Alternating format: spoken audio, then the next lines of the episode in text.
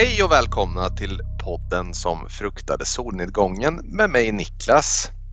Och mig Kristoffer. Dagen till ära och vi, jag tänker så här, vi, vi börjar ganska direkt med att också introducera den tredje kamraten här eh, som vi har med oss. Det har blivit en lite av en, eh, en eh, tradition här så här långt. Välkommen Fredrik ifrån Skräckfilmscirkeln. Tack så mycket. Roligt att vara här. Men jag måste ju också bekänna färg. Alltså, ni har ju flaggat för Sleepaway Camp avsnittet för en bra tag sen och det har ju blivit försenat. Och jag är ju orsaken till varför det har blivit försenat. Men när jag hörde att ni skulle göra Sleepaway Camp då kastade jag mig på, på Messenger och tvingade in mig i podden och rubbade ert schema totalt. Du eh, har inget att be om ursäkt för utan det är bara kul när du är med och eh, ja, vi, vi kan ju inte, vi klarar oss inte utan varandra längre uppenbarligen. Nej. Det var alldeles för trevligt det här besöket när vi är här i Eskilstuna. Ja, ja precis. Nu är det för alltid. Nej, men skämt åsido. Eh, kul att du är här. Och, alltså, jag hade faktiskt tänkt föra in samtalet lite på, på slasherfilm för jag vet mm. att det är någonting som du gillar skarpt och som jag gillar skarpt. Och Hoff, jag tror någonstans i ditt kalla hjärta av sten så finns det en liten eh, liten kärlek hos dig också. Det är ju kul. Nej, men jag gillar slasher också, det gör jag. Det är bara att det är fredag den 13 är kanske inte mina favoriter bara. Det är väl där vi brukar enas ungefär. Mm. Eh, nej men så är det och eh, alltså jag tänkte bara passa på lite. Eh, nu är det här väldigt på uppstuds Fredrik. Jag förväntar mig inte att du ska liksom ha svar på tal på allt här men jag skulle bara vilja fråga dig vad är det med slasherfilmen eh, som alltså generellt som du gillar och eh, sen vill jag att du säger tre stycken favoriter du har i genren. Okej okay, då. Uh, vi, eh, lite har det nog att göra lite där när skräckfilmsintresset väl kickade igång eh, på allvar. För jag har alltid haft en liten förkärlek för liksom vampyrer och monster och allt vad det är ända sedan jag var barn. Eh, men sen var det ju där i tonåren då, liksom då skräckfilmsintresset kom. Eh, och då hörde till att jag innan som barn hade jättesvårt för det här med våld på film. Jag var så otroligt lättskrämd. Eh, Krokodil Dundee när den kom. Där har du när hon går ner och hämtar vatten. Då kommer krokodilen där, boom, och liksom överraskar henne. Och jag vet att jag såg den eh, och var så jätterädd. Och sen hade vi film afton eller film. Vi fick se film i skolan i lågstadiet. Och då var det någon som hade valt Krokodil Dundee. Och jag klarade inte av Jag var tvungen att gå ut. För jag visste ju att krokodilen kommer. Så jag klarar inte ens av att se inledningsscenen. Likadant så grät jag helt hejdlöst och otröstligt när Sickan ska få stå plats i Nybroviken. I Jönssonligan. För det var ju så hemskt. Det här kan ju inte hända. Så någonstans där på vägen växte det upp. Och nu vart det ju lite långdraget här. Men det som ändå så kommer. Alltså när skräckfilmsintresset tar över då är det som att jag dels har bryggat över något. Det är något att växa upp lite. Jag har kommit över den här rädslan för eh, våld på film. Det var någon utveckling i sig. Sen var det verkligen de alltså det var någon tidig fredag den 13 jag såg. Men sen framförallt jag var jag på bio 96 där och såg Scream. Ghostface där. Och den filmen gjorde sånt otroligt avtryck på mig. Och där kom ju då liksom eh, 90-talets slashervåg, slasher revival efter att ha legat nere där sedan mitten av 80-talet. Och jag slukar de här filmerna med hull och hår. Eh, och då var det just slasherfilmerna som fick igång det där. Men Scream refererar ju till så jävla många andra. Alltså eh, Halloween, fredagen och allt det där. Så jag började ju leta upp dem. Och där fanns det något, framförallt fredagen. just den här, de är ute i skogen. Eh, de eh, tramsar runt och de har sig. Det är mycket, mycket naket. Det passade en tonårig jag. Och så går de ju åt en efter den andra. Men så har vi också det att slasherfilmerna är så otroligt... Alltså de följer en formula. Eh, och jag tror lite kanske det... Jag menar Scream paroderar ju lite det. Och jag tror det var det liksom då som i 13-14-åriga jag började se ett mönster bildas. Liksom- det känns som att jag någonstans knäckte en filmkod. Jag knäckte slasherkoden på något vis och vänster. Vilket gjorde att jag liksom vart ju alltid belönad när jag såg en slasherfilm för då vet jag vad jag fick och jag fick alltid det att och i regel vart jag upprörd om en sån här slasherfilm bröt mot det här på något vis och vänster.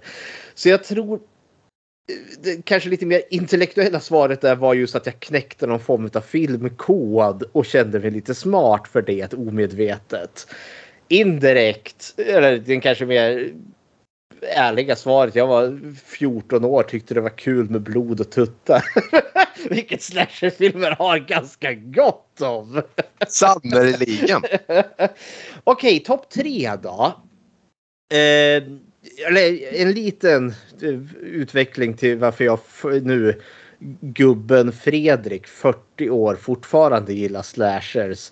Blod och tuttar gör inte så jävla mycket för mig numera.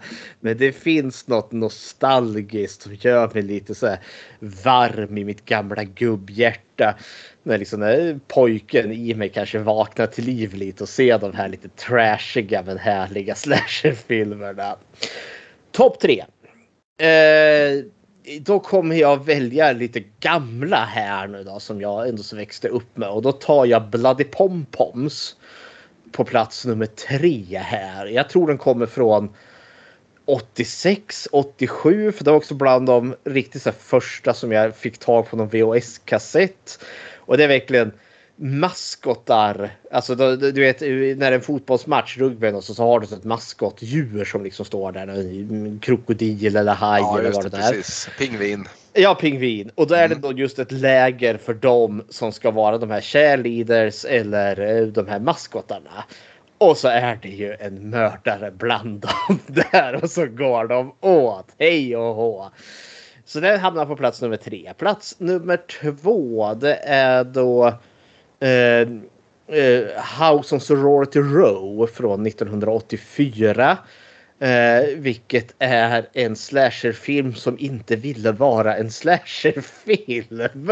Regissören där eh, hade tänkt sig liksom något helt annat mer Hitchcockiansk thriller och hade liksom filmat hela filmen.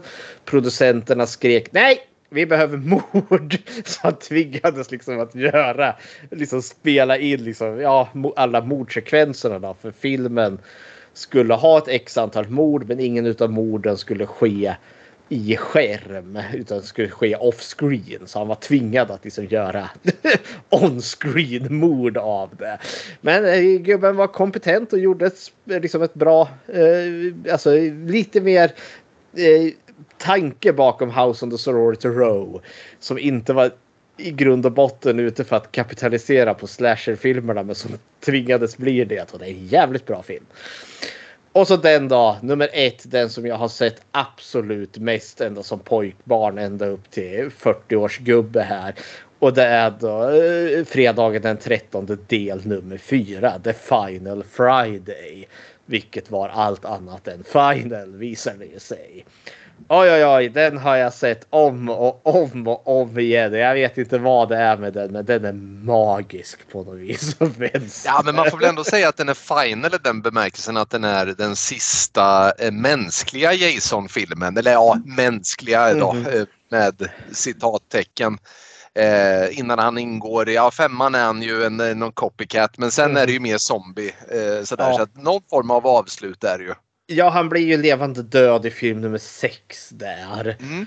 Och egentligen så är ju film nummer fyra är väl söndagen den 15 för den utspelar ju sig liksom under en helg film nummer två till fyra. Så, tvåan utspelar sig fredagen den 13, trean utspelar sig lördagen den 14 och fjärde är då söndagen den 15. Det så låter lite kristligt sådär, eh, söndagen den 15. Ja, nej, men ja. Det, det, det är min inkörsport till slashen där. Eh, och det, som sagt, jag kan säga det att anledningen till att vi börjar prata slashers här, det är ju, nu har ni sett vad det här avsnittet heter. Vi ska avhandla filmen Sleepaway Camp från 1983 idag. Därför så leder det oss in på, på slasherfilmen. Och eh, vad säger du Hoff då? Vad har du för favoriter och, och vad känner du för genren i stort?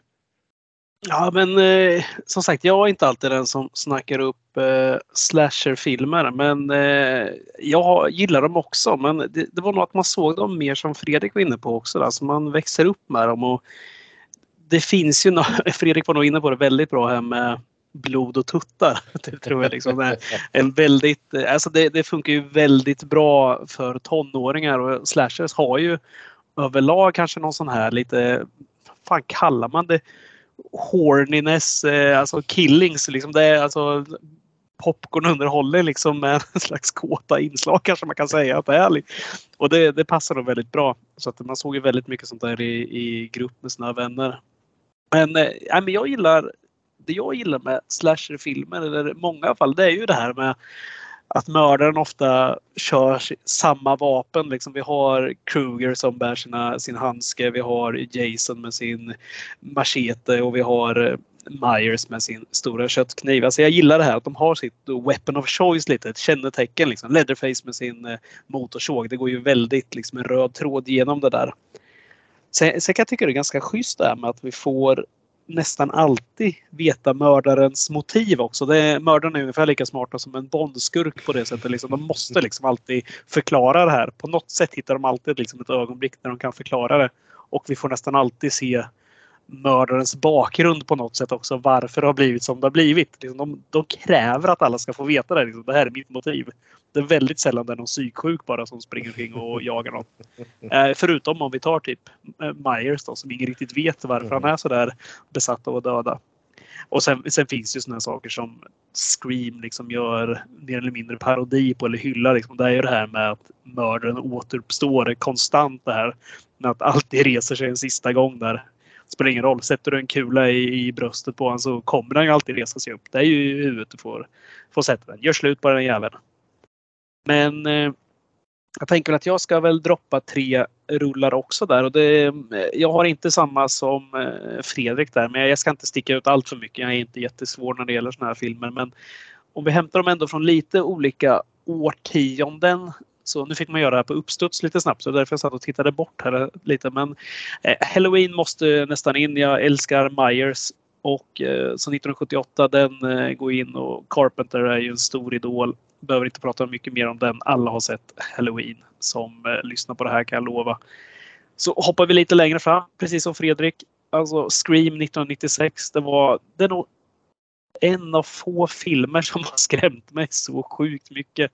Jag vet att min kusin som är, nu får jag väl banna den, men jag tror att hon är två år äldre än mig. Vi såg den här när den kom hemma hos dem och hon hade den på någon sån här import VHS och låste liksom dörren när våra föräldrar satt utanför och liksom tvingade mig se den här. Och jag har nog fan aldrig varit så rädd som efter det där. Och, det, då, hade man inte sett så där jättemycket såna här filmer innan. Det, var liksom, det här var tio steg upp från allt jag hade sett.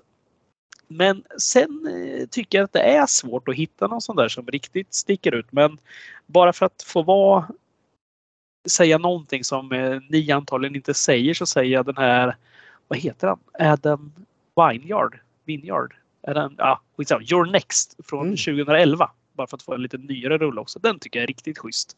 Den eh, bjuder på något nytt också. Det, det gillar jag när det är. Den är det är en kreativ eh, blodfest. Mm. Jag brukar ju, jag, jag har ju hållit mina eh, brandtal för slasher-genren i rätt många avsnitt så att jag, jag ska inte dra igen mer än att det är ju så, jag är ju liksom präglad och uppvuxen med den här typen av genre jag vidhåller med en dåres envis, envishet fortfarande idag att det är de som är de riktiga skräckfilmerna.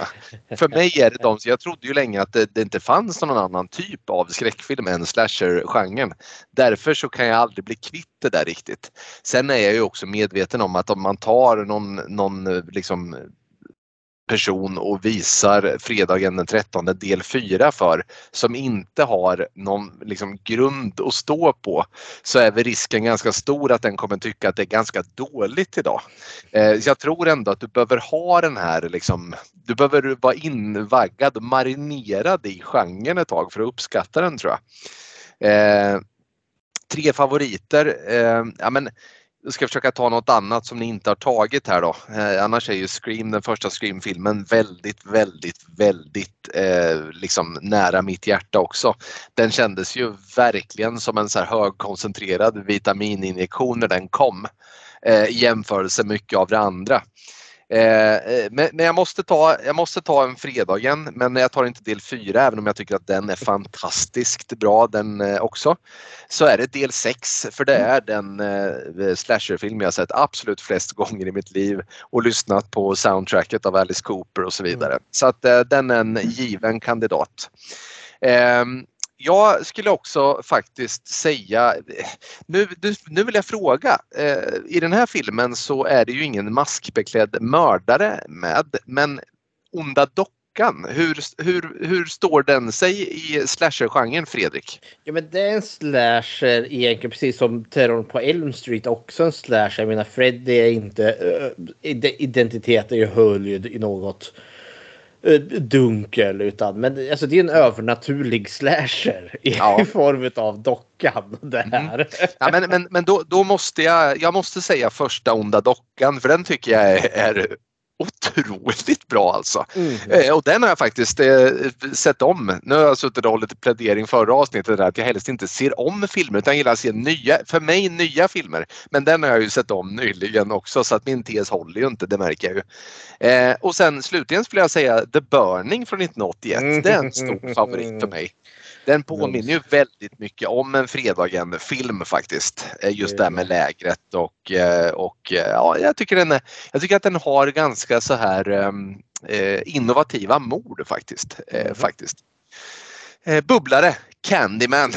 Mm. Den är en riktig favorit också. Också lite mer av en kanske övernaturlig skräckis på det sättet då, men det, det är också en favorit.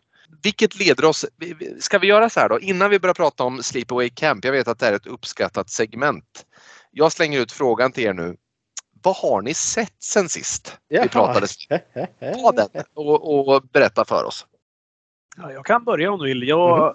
har nu i dagarna sett, eh, dels har jag sett klart på Last of Us och eh, jag måste säga det, jag höll en liten plädering i senaste avsnittet eh, om det. Att jävlar vad bra den serien är och vad den följer eh, tv-spelet på ett sätt som jag inte trodde skulle vara möjligt eller att de skulle våga ens göra det. Men den är fantastiskt bra. Sen, eh, och det, det är ju ingen kioskis här. Det här slår man in alla öppna dörrar som finns. Det vet jag också eftersom den är så hyllad som den är. Men eh, och eftersom vi är den mest motsägelsefulla podden i historien här med, med uttryck som vi får äta upp vecka efter vecka. Så ska jag säga även så här. Jag brukar alltid säga att jag tycker att Fast and the Furious kanske är det töntigaste och tråkigaste jag vet. Att det, det finns inga filmer som jag tycker är sämre underhållning. Men då får jag nästan säga så här att jag tycker ju att John Wick är en filmserie som är underbart underhållande. Mm. Och igår så såg jag alltså John Wick 4 Oj. som plockar in på nästan tre timmar. Vilket ja, är helt galet. Ja, 2.48 tror jag den är om jag... Det finns täckning för den speltiden där. Ja, uppenbarligen gör det. Man har inte tråkigt en sekund där och det är någonting med att jag...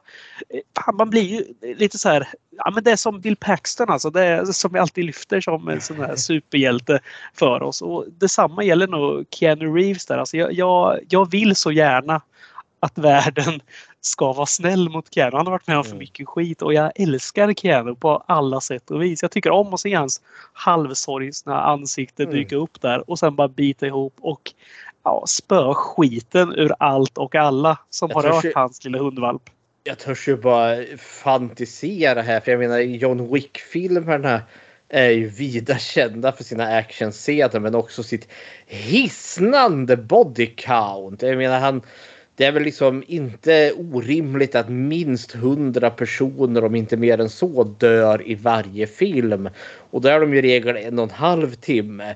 Så om fyran är dubbelt så lång har vi dubbelt så många döda i den här filmen. ja, men menar, så är det ju. Så är det verkligen. Jason måste ju liksom bara hänga sitt huvud i skam i jämförelse. Han kan inte ska vara i närheten med så många döda om man skulle jämföra John Wick och Jason här. Nej, men det är verkligen så och den här filmen är inget undantag heller utan uh, fighterna avlöser varandra. Det är inte. Det lämnades inte mycket rum för dialog i den här filmen. Det är inte. Keanu kommer inte gå upp på Oscarsgalan och tacka, bli avtackad för för den här fina monologen eller dialogen han håller utan det är nog ja, under hundra ord. Ja, jag vet inte. Det är nog samma odds på om det är under eller över. Vi, vi, har väl en svensk bov igen. Mikael Nyqvist var ju elakingen i första filmen och det är väl Bill Skarsgård som är elakingen ja. i film nummer fyra har jag för mig. Precis, och han är mästerligt bra faktiskt ja. den här. Och det är riktigt kul. Han spelar ju en sån här fransk eh, vad, vad är han? Markis. Oh.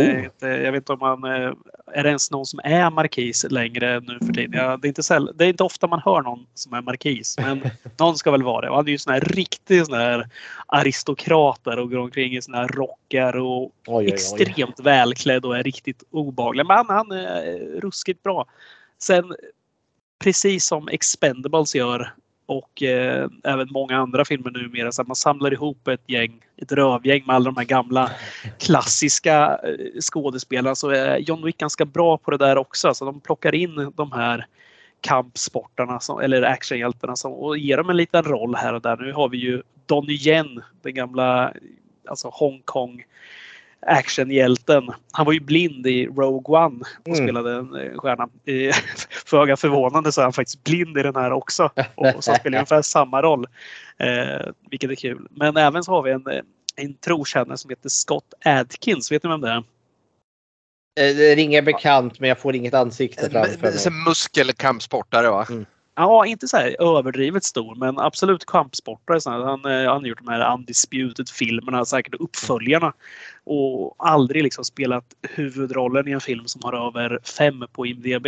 Men han är så här stabil på det han gör. Liksom. Han är bra eh, kampsportare. Men han har ju fått en sån här fatsuit på sig i den här filmen. För jag satt och tänkte så här, vem fan är det där? Det måste vara någon i en fatsuit som spelar den här som är känd. Alltså det, ser så, det ser ut som Colin Farrell i nya Batman ungefär. Och jag tänkte liksom, det, det kan inte vara någon så här. Och sen ser man ju att han är väldigt bra på kampsport och blir det väldigt tydligt att det är någon som är, tar på sig det. Så att, nej, men väldigt kul att han får sig liksom en, eh, en liten erkänd roll här tycker jag. Sånt eh, gillar jag utöver det har det inte blivit så mycket så att jag lämnar över till dig Fredrik. Tror jag. Får mm. du säga vad du har sett? Ja, men jag har sett en hel del ändå. Eh, jag ska hänge min sommar här till att glo på film. Eh, men eh, och det jag har sett än så länge då. Jag har sett en, en gammal going här från 1970 regisserad av John Frankenheimer. Prophecy. Som är då en sån här miljökatastroffilm. Eller ja, Nature takes revenge because pollution. Ungefär. Eh, och eh, det är en sån här som har gått och blivit en kultrulle.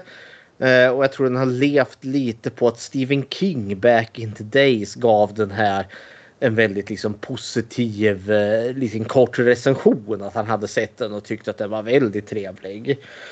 Men det är en ganska påkostad sak om ett gäng innercity man och hans eh, gravida fru ska fara ut till obygden för att undersöka om ett pappersbruket eh, som är den stora arbetsgivaren där Eh, om det är något fuffens going on där. För det är en konflikt mellan dem och eh, de amerikanska urinvånarna som bor där.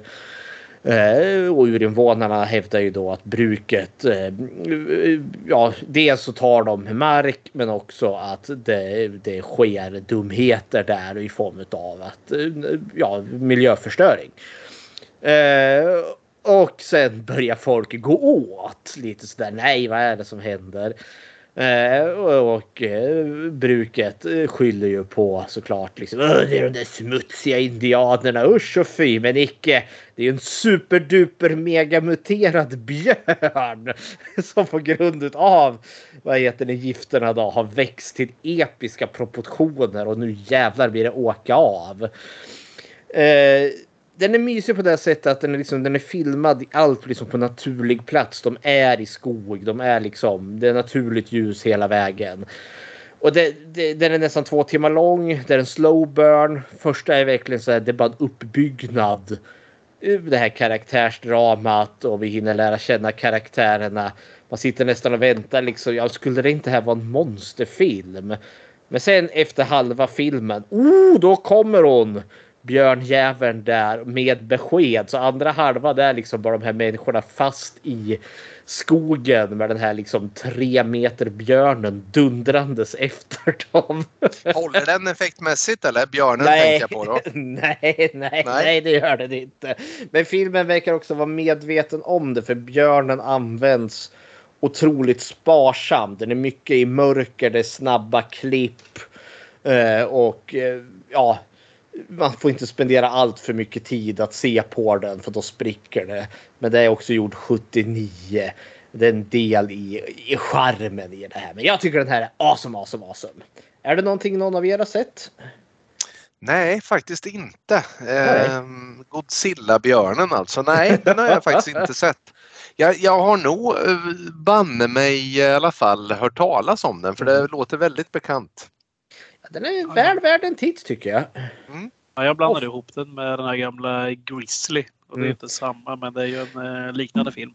Ja, och eh, Grizzly har jag också sett. Men jag, mig personligen tycker jag att Prophecy är en mycket mer underhållande film. Grizzly var jag inte alls imponerad av. Så den kändes verkligen som dåtidens boomergubbar skulle göra en äventyrsfilm där de fick kladda på lite unga tjejer och samtidigt visa att de är hjältar med att de besegrar en stor björn. Jag sitter faktiskt och funderar på om inte jag och Nicke Björk, nu när du hör det här Nicke Björk, har vi sett den här ihop? Prophecy förresten. Är den från 1976 eller? 79. 79 sa vi. Mm -hmm. eh, vi såg någon liknande så här grizzlybjörnfilm i alla fall. Det ser ut som björnen åker rullskridskor när den kommer. Nej. Eh, det kanske inte är den här. Ja, du, får, du får mässa mig Nicky Björk vilken det är vi har sett egentligen.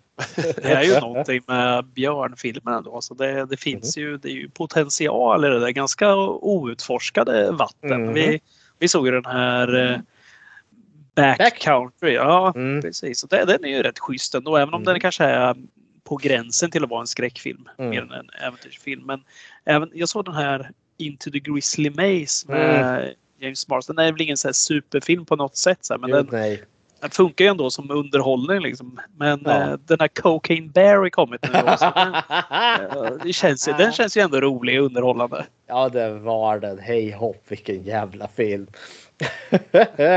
Andra filmen jag har sett. Jag har sett en liten going här från 76. Eh, The Omen. Djävulen vill bli pappa. Eh, och krystar fram Antikrist här då, någon stackars eh, diplomaten Robert Thorn där. Eh, som eh, vars barn dör då i, i födsel får han reda på. Eh, men det finns ju då ett annat barn där så då kanske de kan byta så behöver hans fru aldrig få reda på att, eh, att hon dödfödde. Så i hemlighet och så byter de ut det här ungen och döper han till Damien. Sen kommer pappa Satan och har planer och så går det som det går. Nej, så tokigt kyrkspiror spetsar eh, besvärliga präster och allt för nyfikna journalister blir halshuggna utav eh, glasskärvor som kommer ner flygandes. Mums, mums, mums. Det är ju en riktig jäkla kanonrulle. Alltså den där det... håller ju fortfarande än idag också. Den har ja. eh, liksom sådana effekter som fortfarande är obehagliga mm. också. Den där glasrutan i slutet som kommer farande är ju riktigt härlig. Ja, och det, jag har sån respekt för det där för jag vet att just den, det shotet är ju liksom så här, Det är så otroligt jävla snyggt men man vet ju också att det var så otroligt jävla meck att få det där gjort så pass att de hade liksom planerat att eh, göra hans halshuggning på ett annat sätt. Att han skulle gå in genom en dörrpost och sen ovanför dörrposten så skulle det sitta ett dekorativt svärd och så skulle det lossna och halshugga honom. För de gjorde om det där. Men så fick de ju det liksom Oh, allt klaffar liksom. Glasskärvan träffar precis på halsen och dockan liksom blir dekapiterad. För många gånger så var det att liksom den träffar för, för lågt. Den träffar dockan i brösthöjd eller flög rakt över huvudet. Och liksom, nej, det här går ju inte. Men så fick de det där liksom. Mm, spot on. Praktiska det, effekter också. Ja, idag hade man ju bara liksom CGI-at det där. Mm. Eh, det hade sett snyggt ut också. Men just här 76, jag, jag, jag får bara sån respekt för det. Verkligen. Man är ju ett enormt fan också av just kreativa dödsscener. Alltså, mm. Det låter makabert men det, det är ju väldigt tillfredsställande alltså, att se det här. Undrar hur de ska lösa det här. Och det, mm. det där vart ju som någon slags eh, pornografisk variant i Final Destination nästan. Ja. Även om filmerna kanske inte är lika bra som Omen där men eh, jäklar vad underhållande det är. Så med till, till viss del. Även fast det blir liksom lite för mycket tortyrporr till slut. Mm. Men just bara det här att hitta ett sätt att döda någon på på ett nytt sätt. Det är ju mm. väldigt underhållande. Och det är ju också väldigt, nu när jag såg om det, jag kunde inte låta bli att tänka just på Final Destination när just den scenen kommer när han blir halshuggen. För det är ju verkligen, oh han står på risk, precis på rätt plats. Då dras handbromsen ut, lastbilen far iväg, träffar en stock, glasskivan tjong! liksom, Ja, det, det, känns ju liksom så att Final Destination är ju verkligen, vi tog den bästa biten av Omen så gör vi en hel filmserie om det. Ja men det är ju det där, alltså, varje gång man åker bakom en timmerbil så är det ju det där som flashar förbi alltså varje ja. gång. Det är samma sak med de här, jag tror det är The Descent va? Mm. När det är döds, dödsolyckan i början där när mm. Eh, barnet och eh, eh, maken blir spetsade. Ja. Och så här järnstänger eller armeringsjärn mm. eller vad det är. Det är så otroligt obehagligt bara. Men det, då har man lyckats. När man liksom får det att spela av sig i verkligheten. Att man sitter mm. där på helspänn. Jag har sett eh, en ny fransk serie eh, som heter Square eh, Känner du till den? Le Square de Gamme. Ja. ja. Eh, det, det här handlar om ett, eh, eh några utvalda, eh, ett stort anhang människor som eh, kommer ställa upp på ett spel som visar sig vara på liv och död. Ja, men det handlar ju helt klart om Squid Game naturligtvis. Så här är jag ju efter alla andra som vanligt. I, eh, det här var ju, den här serien, är det något år sedan kanske? Eller lite mer kanske, där den här verkligen pikade och alla pratade om Squid Game. Eh, då blir jag gubbtjurig som jag brukar bli och då skiter jag i det. Men eh, nu eh, har jag eh, försökt hänga på här lite och se Squid Game och eh, den är mycket bra. Har du sett den serien? Ja, men det har jag. Och det, ja, men det är ju precis vad vi pratade om för sekunderna sedan. Det är ju kreativa dödsfall här också.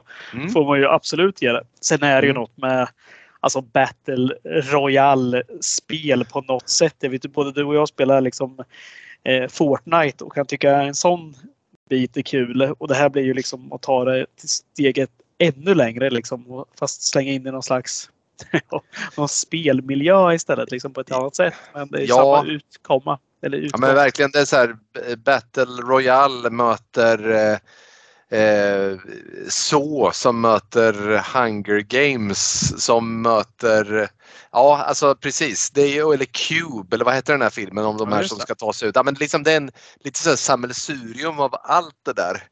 Eh, nu har inte jag sett det, jag har sett långt ifrån färdigt så här, men jag, jag, jag har börjat fatta liksom vad, det, vad som är grejen och jag kan väl ana hur även fortsättningen kommer se ut här så att det är bra. I övrigt så har det varit rar, ganska dåligt eh, med eh, sedda filmer och serier från min eh, sida men eh, nu är sommaren här snart och då ska vi försöka trappa upp det där lite på de heta och sköna sommarkvällarna. Men du, ska vi göra så här då? Jag, eh, jag sammanfattar lite kort vad den här filmen handlar om. Med sådär vackert som bara jag kan göra. Så har vi en liten grund att uh, utgå från. Här kommer den. Angela Baker, en blyg traumatiserad ung flicka, skickas till ett sommarläger tillsammans med sin kusin. Kort efter deras ankomst så börjar några mystiska dödsfall inträffa. Mm. Och en mördare går lös. Kristoffer, det var ju, det var ju rafflande helt klart. Eh, vi ska såklart eh, följa gammalt eh, sedvanligt koncept precis som eh, vi har i all vänlighet lånat ifrån er i skräckfilmscirkeln.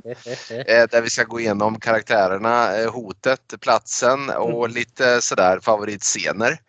Men först och främst skulle jag vilja höra med slasher-professorn här, lite kort, vad du har för relation till Sleepaway Camp och, och, lite bara kort, hur står den sig på slasherhimlen den här filmen? Oh, det här är ju en utav de stora ändå. Eh, om vi, vi börjar på slasherhimlen direkt. Det är ju inte fredagen den 13 terrorn på Elm Street eller Halloween. Det är ju de riktiga jävla bad boysen där. Som har fått stora franchises till sig. Men Sleepaway Camp, det är ändå så. Alltså om, om vi säger att eh, fredagen, halloween-terrorn, eh, motorsågsmassakern. Eh, det, det, är fem av fem. Eh, så, och Scream också den där fem av fem. Liksom så här, mm, mm, mm, mums mums. Majoriteten utav alla slasher håller sig liksom på en tre eller två.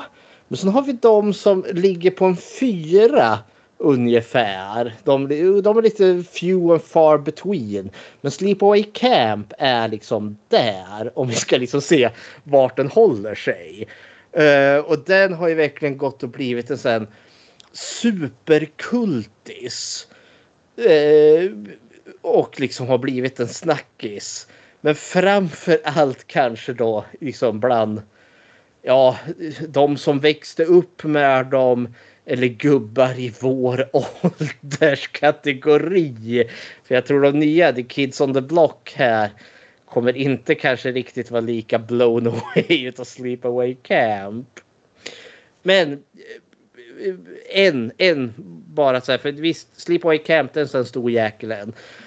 Jag vill bara lägga slasher-professorn här. Har du ändå så inte sett Sleepaway Camp. Känner inte till Sleepaway Camp. Det låter som en kul slasherfilm. Gör dig tjänsten och se den. För Sleepaway Camp bygger på en sju helvetes twist som kommer på slutet. Och vi kommer ju att prata om den här misstänker jag.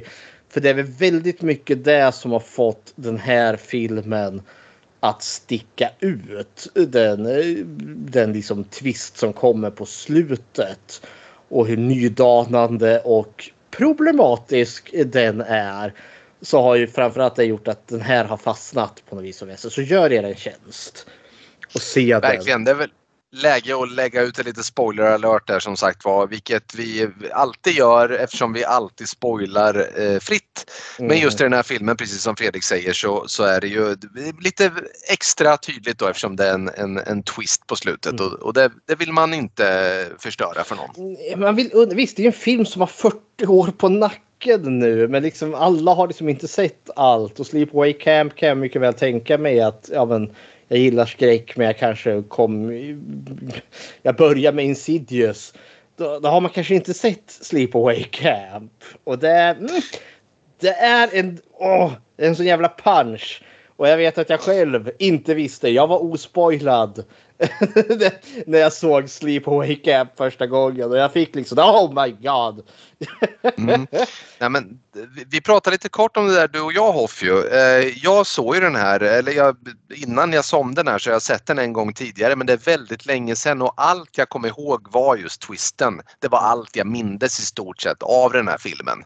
Så den var förstörd för mig så jag kan liksom inte ja. riktigt så peka. Uppenbarligen så har den gjort intryck eftersom jag kommer ihåg den så väl den här twisten. Men, men du Hoff hade inte sett den här tidigare? Nej, den, den här hade gått under radarn helt och hållet. Jag tror att det har lite med att den eh, Alltså har man sett en trailer för det så är det svårt att sälja in den på något sätt som gör att den ska sticka ut i mängden. Eller ur mängden för att eh, ja, men den ser ganska lik ut liksom i, i mångt och mycket. Men eh, det, den laddar ju upp för en eh, och ger den en jävla eh, pay-off om man har tiden att, eh, och orkar ta sig igenom den. Då är det mm. väl värt det. Och vi kommer ju till twisten eh, såklart vad det lider här. Men får jag bara fråga er först. Eh, funkar twisten på dig idag eftersom du såg den nu som vuxen herre? Ja, absolut. Det var, jag var inte beredd på det kan jag säga mm. direkt. Då tycker jag ändå man har, som Fredrik var inne på här innan, så här, man har knäckt koden lite i slasherfilmer. Och det brukar inte vara allt för jävligt, för jävla svårt att lista ut kanske vem eller vilka som är mördarna. Om det inte blir som i Scream då när de gör allt för att liksom trixa till det för mycket så att man är liksom. Det går inte för att det blir för dumt till slut ändå. Liksom. Det, det är gjort så. Men många andra lyckas med ganska snabbt lista ut vilka det skulle kunna vara. Men den här, nej. Nej, gött. Ja, men nu drar vi igång tycker jag. Karaktärerna. Vi eh, börjar med karaktärerna tycker jag och eh, jag, ja, men vi har ju förutom då, nu har du nämnt eh, den här Angela eh, i, i inledningen här som du höll ditt lilla anförande här, Hoff. Ska vi börja med Angela kanske då? Va, va, va, Fredrik, vad säger du? Angela, en tjej som jag har väldigt lätt att identifiera mitt tonåriga Fredrik med. Eh, den här riktigt introverta tjejen som inte vill vara med och spela fotboll, inte vill vara med och bada. Eh, men är gärna med, men gärna på avstånd. Alltså jag känner igen mig i henne något så fruktansvärt. Eh, ett som jag bara vill ge här lite snabbt över alla karaktärer överlag. Med Angela bland annat då. Är ju att karaktären ska vara 13 år och är spelad av en flicka som är 13 år. Det är det som får den här, bland annat den här filmen Sleepaway Camp att sticka ut något så fruktansvärt. Är just att de tonåringar som vi har med i den här filmen är ju spelad av riktiga tonåringar. Inte som det brukar vara som i fredagen den 13 liksom, där vi har liksom, oh, karaktären är 16 men skådespelaren är typ 35. ja men precis, så här, serien Beverly Hills ju. Ja. Eh, de var väl också 25-30 allihop. Mm och, det, och det är det som gör liksom att Sleepaway Camp är lite jobbig ändå. För det är ändå så liksom de här kidsen som kommer bli stalkade och mördade sen. Men tillbaka till Angela. Eh, hon som sagt kunde identifiera mig ganska mycket med henne. Men hon är också frustrerande creepy. Då hon liksom bara sitter och stirrar med de där liksom gigantiska ögonen. En del av mig blir liksom en för djävulen. Bara vill du bli mobbad? Man ska inte blame the victim för hon blir ju mobbad med Jorben. försök. Åtminstone försök eller bara håll dig borta från mobbarna. För hon sitter ju verkligen och bara stirrar liksom hål i nacken på liksom de mest asociala rövhålen som bara exploderar om man tittar på dem snett. Och hon liksom bara stirrar ju hål i, i nacken på dem. Så liksom, ah, ja, hon är väldigt värnlös. Eh, och konstig samtidigt. Men samtidigt känns hon också som en, som en ganska snäll tjej. Jag, jag får mina beskyddarinstinkter kickar in. För att hon är just det här det så otroligt jävla awkward. ja, det är mina sentence till Angela. Men där. det, precis, du ringar in det ganska väl och, och eh, hon är ju då lite sådär ackompanjerad ändå av sin kusin här, eh, Hoff. Eh, vad, vad, vad tycker du om kusinen? Vad är det han heter nu igen? Ricky. Ricky heter Ja, kusinen, ja precis. Ja, men hon har ju växt upp tillsammans med Ricky. Det får vi ju veta.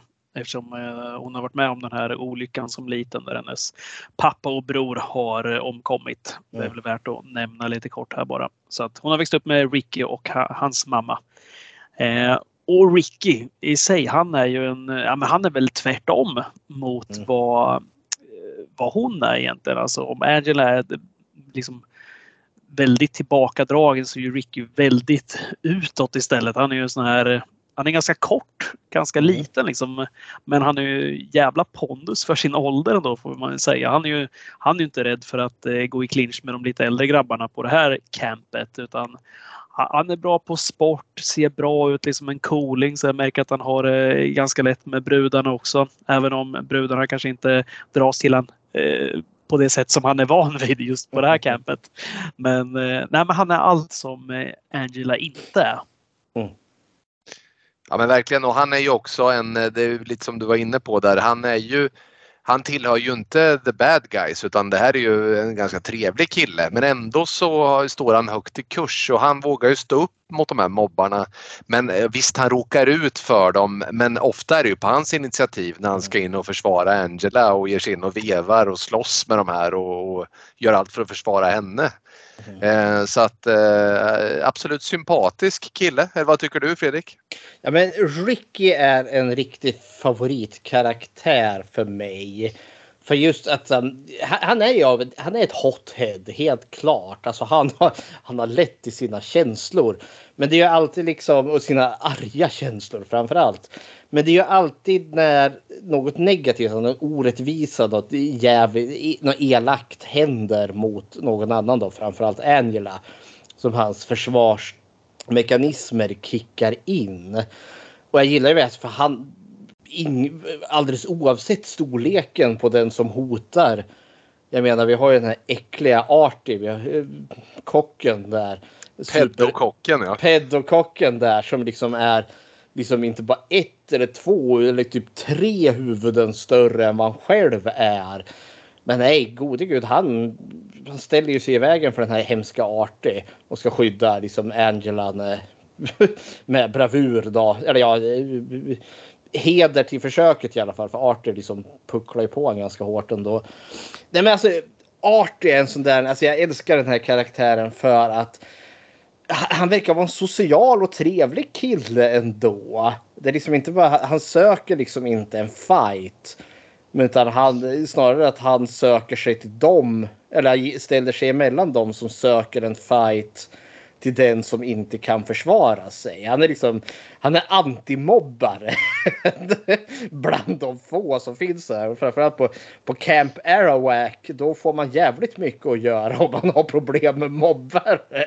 För det finns det Eh. gott om här. Som förälder så hade man ju vacklat en och två gånger innan man skickade iväg sina barn till det där campet kan vi Alltså, väl konstatera. Camp Arawak ska ju cancella så jävla hårt så det står inte. Ja, det, det finns många problem med Camp Arawak. Ja, Nej, men. Ricky är en riktigt trevlig kille tycker jag. Eh, vidare här nu då. Eh, ska vi ta de som är lite mer av the good guys till att börja med tänker Mhm. jag. Så kan vi väl eh, ta oss an de lite mer bedrövliga, eh, det bedrövliga herrskapet. Rövgänget. också. Rövgänget ja. Ja, men ska vi lyfta kanske då Rickys polare här, Mm. Paul. är väl en eh, bra lyfta och han är ju också en sån här ganska lätt att tycka om snubbe till att börja med i alla fall. Mm. Så är han ju, ja men han är ju en, ja hur gamla är de? Är de 13? Det är mellan 13 och 15 Ja, år de här. Ja, Paul, han, eh, karaktär, han som spelar Paul, han är 14 år gammal, skådisen här. Ja, så att det- och det är väl ganska lätt att slänga in ordet då att han är en kåt tonåring Mm. den här då, för att han är ju kopiöst sugen på Angela. Mm. Han blir ju det väldigt snabbt där. Han räds inte hennes eh, tystnad utan där ska det limmas eh, konstant hela mm. tiden på henne och han, eh, han gör det lite snyggare än många av de här andra grabbarna gör. Han, mm. är ju faktiskt, eh, han vet ju faktiskt hur man lyssnar ibland också. Så att han eh, någonstans lyckas han ju faktiskt hitta till henne också och prata med henne. I alla fall lite så att man ser att det kommer någon slags liten reaktion. Mm. Men han, han, är ju en riktig, riktig hyvens kille och polare med Ricky. På, jag är, liksom, är ju med på vad du säger Hoff där. Liksom. Han, han är ju den här han är en snäll, rar kille som jag gillar alltså, genuint i början här. För han är också den som får Angela, den här slutna musslan, att till slut börja öppna sig lite. Och han är väldigt, och, och, och det är lite det här puppy love och jag kan bli lite så här nå.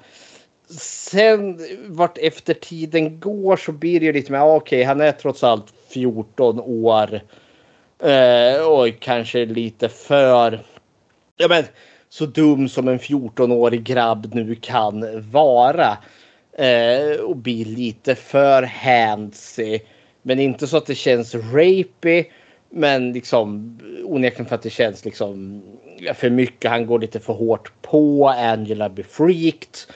Och så kommer ju hon eh, Judy, en av rövgänget här sen då. Och liksom, ja men jag kanske vill pussas lite mer istället. Ja, han, ja okej då. Han är inte så svår att övertala. Så liksom, det här är ju liksom en sån här som jag tolkar det, den, den, första förälskelsen, den som liksom håller i två veckor och sen går man vidare. Men anledningen till varför jag hoppas lite på den här är ju för att mitt hjärta ömmar sådant för Angela.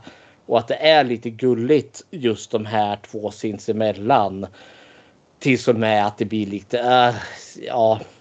Eh, eh, han hamnar ju aldrig på rövgängets sida men det finns liksom tillräckligt för att det liksom ska bli lite ja, fjortisproblematiskt ändå.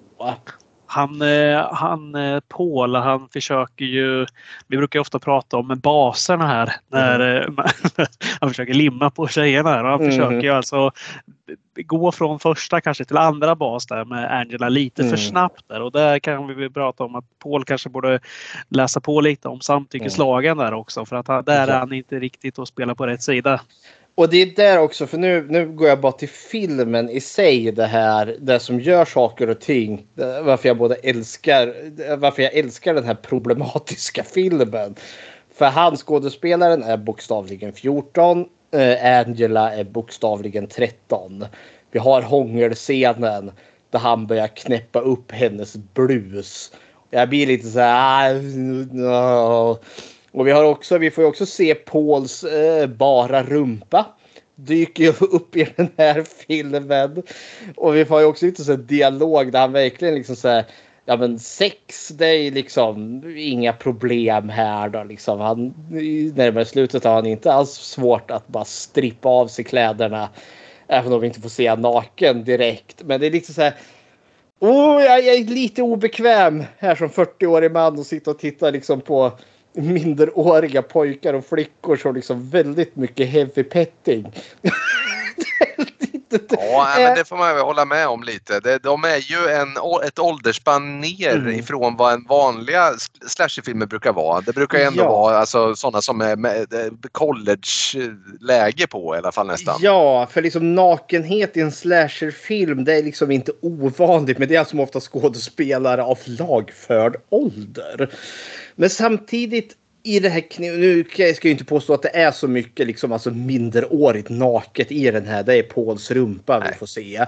Men eh, det, det, det, finns en märklig aspekt ut av autenticitet i den här. För nog fan i den där åldern var det ju då liksom då den sexuella identiteten börjar liksom komma där och det finns ju något liksom väldigt genuint och äkta i det här liksom lite tafatta heavy petting som de håller på med.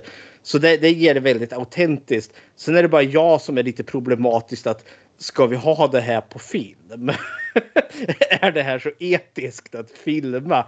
Men jag anser ju inte att vi ska in och liksom censurera Sleepaway Camp, för det är gjort. Det finns där. och liksom go with it. Men, ja. ja. men så är det lite. Det är lite som, hela den här filmen är lite som en gammelmorfar vid julbordet. Mm. Uh, han får sitta där och hållas. eh, och, och, och, och, och, och, sen är det lite mycket mer med det och, och sen på något sätt så så, så rullar världen vidare sen. Eh, den här filmen hade ju inte gjorts inom de här ramarna idag, så, så enkelt Nej. är det. Och det är ju, då är ju det här med heavy petting bland de här, det är det minsta problemet kanske då. ja, väl... vi, jag måste bara liksom flika in där samtidigt just om heavy petting för att det, det problemet blir ju att eh, vi har den här kocken då, som vi, du nämnde förut, den här mm. Arty. Det, det, det, vi låter, alltså det, det, där snackar vi ju rövgäng. Alltså han är ju mm.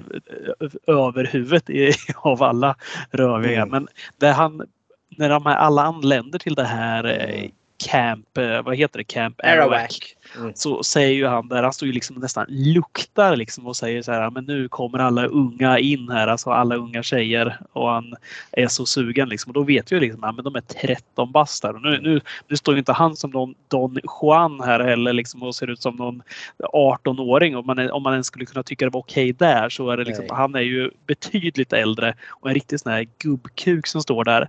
Och, och så tittar de på honom, liksom, är, de inte, är de inte lite för unga? Och han står bara så här, det finns inget för ungt. Nej. Och det där skrattas bort bara. Det är ja. det som är väldigt, kan jag, kan jag tycka blir väldigt problematiskt. För att där sätter man ju en ton som är, ah, men vad fan liksom. Nu, det här är ju liksom för äckligt. På något sätt köper man ju mer om det hade varit som en vanlig slasher när de är i alla fall 17, 18 mm. liksom någonstans byxmyndig ålder. Men det här ja. blir ju bara... Uh. Ja, men han är ju verkligen pedofil och jag reagerade också på det här just att hans kamrater, hans arbetskollegor bara liksom slår sig lite för knät. Ungefär som att han liksom inte tas seriöst. Uh, uh, och det, vilket också den karaktären, Ben heter han, är ju pappa till James Earl Jones. Han som ger rösten till Darth Vader. Så jag har en liten Star Wars. Orm, ormkungen i konan också. ja, ja, just det. Nej, men, han, han uttrycker sig verkligen på ett otroligt äckligt sätt. Dels som du säger liksom, att det finns inget för ungt. Men så kallar han ju dem också oh, look at all those fresh chickens. Och så säger han ju någonting att uh, uh, where I come from we call them blank hills. Alltså kala kullar. Jag, jag var tvungen att tänka till lite. Ja, nej, men de kala kullarna betyder ju inget könshår Eh, på vaginan där. Och jag liksom bara, nej! Åh! Den här filmen bara går i rakt jätteproblematiska, vidriga håll. Och det är det som får den här filmen att sticka ut lite. För det är liksom det finns inget romantiskt där. Om det finns något lite liksom puppy love mellan Paul och Angela. Eh, som kanske blir lite så här fjortis problematiskt men inte värre än så. Så är ju Artie liksom bara, nej, här kommer våldtäktspedofilen in. Och det är bara äckligt och obehagligt. Eh, ja, verkligen. Det, det, vi kan säga redan nu är dock att Artie, han blir ju inte så långvarig i den här filmen, tack och lov. Utan han hinner, han, han hinner väl börja göra lite vedervärdiga avtryck, men mm. ganska snabbt avhandlas han av någon. Ja. Eh, ska vi, ska vi, eh, ja, nu, i och med arten nu så har vi ändå på något sätt landat i eh, rövgänget och då tycker Men, jag ändå en... Förlåt, jag ja. hugger in för jag vill bara shout-outa in för det som är för den här filmen är campy as all hell och nu kommer jag inte ihåg vad han heter men det finns ju två campledare där som är faktiskt helt okej. Okay. Någon liten blyg tjej och sen någon riktig jävla supermuskelknutt till Ja, man. ser ut som en Bon Scott i ACDC fast med massor ja. med muskler. Gud ja, och han verkar som en av de trevliga och rimliga. Men jag vill bara shout out för han, det är ingen stor roll. Men han gör ett avtryck. Dels för att han är Arnold i muskelstyrka. Där. Och han har verkligen på sig en, liksom en t-shirt som sitter som ett andra skinn. Och han har också short shorts, riktigt supertajta shorts som verkligen framhäver den där kuken som finns där. För den lämnar verkligen inte mycket till fantasin.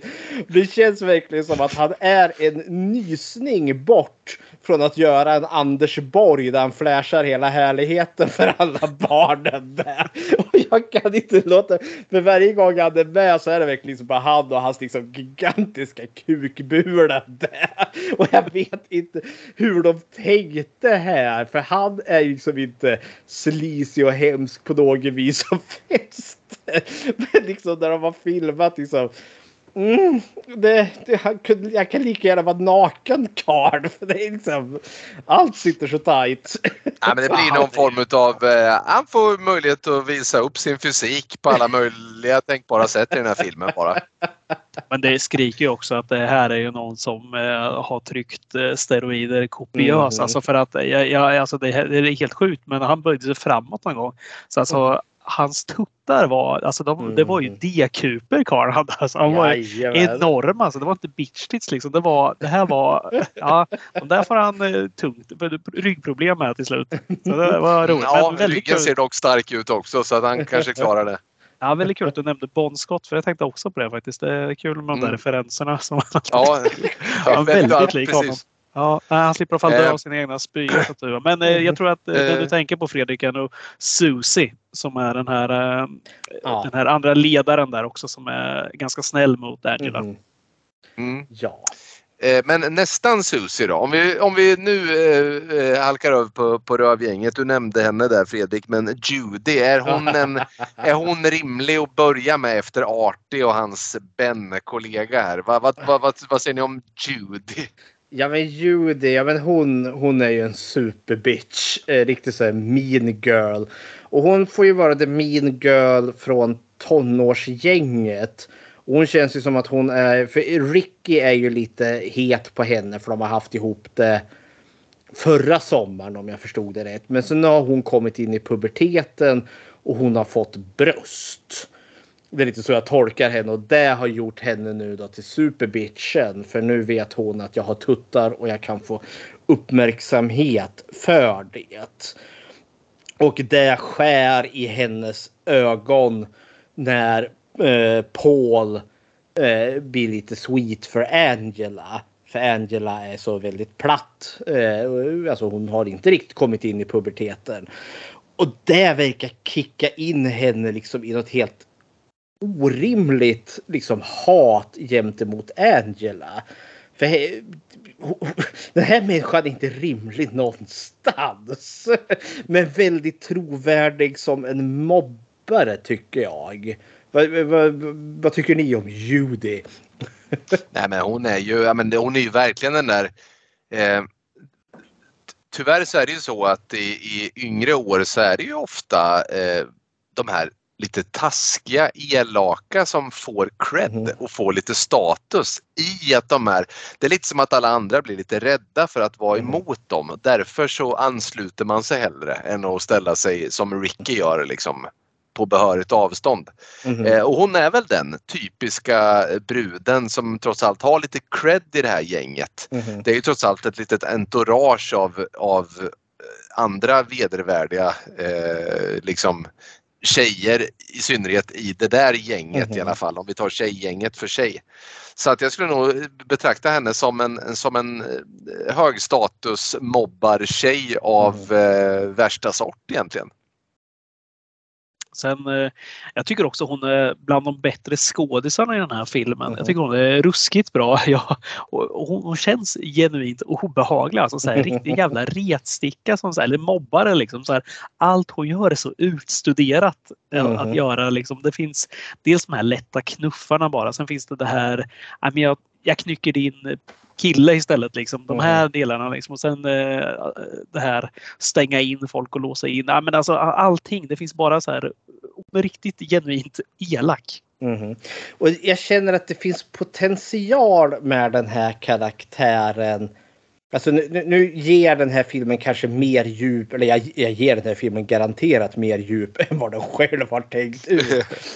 För Judy, när vi ser henne eh, för de gör ju också en anspelning på, för det är ju Paul själv som säger det precis till Rick i början där just att Judy hon har ju fått tuttar, wow!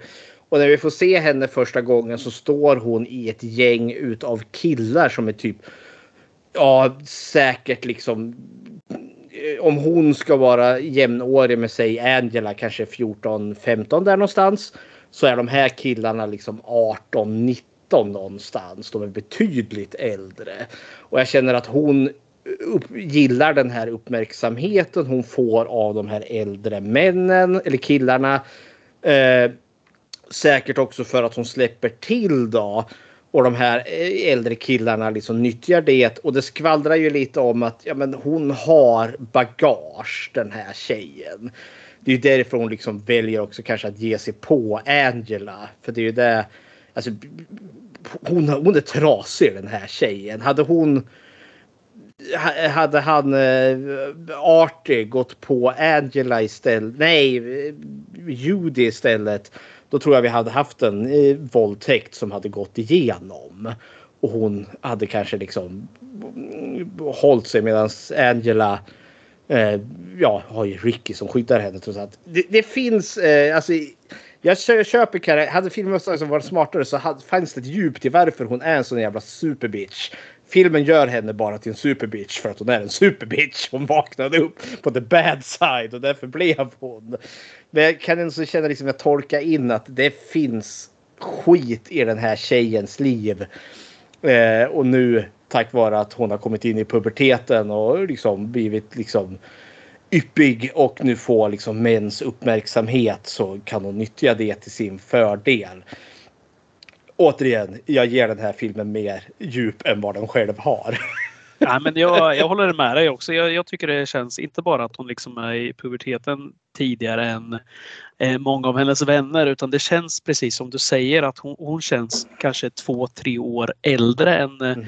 alltså mentalt än många av de här andra i mångt och mycket. Inte liksom att hon är men, mentalt smartare eller så, men hon mm. känns mer erfaren av världen. Hon, liksom, hon har gjort de här grejerna som, eh, som de här pre-teensen inte har gjort. Mm. Hon ligger liksom före med allting och det, det, är väl därför hon får det här lite att folk ser upp till henne också. Så att mm. hon blir den här lite överhudsmobbaren mm. som ja, folk ser upp till. Ja, för, för hon hänger ju gärna med de äldre och hennes... Eh, hon använder ju gärna de andra vuxna som den andra bitchen som vi kommer komma in på, Meg. För hon är ju någon form av camp counselor eh, tolkar jag det som. Och Judy springer och använder ju henne liksom som att mm, nu, nu vi gör det här men Angela gör inte det här och liksom på vis och vänster lyckas ju skicka den här Meg.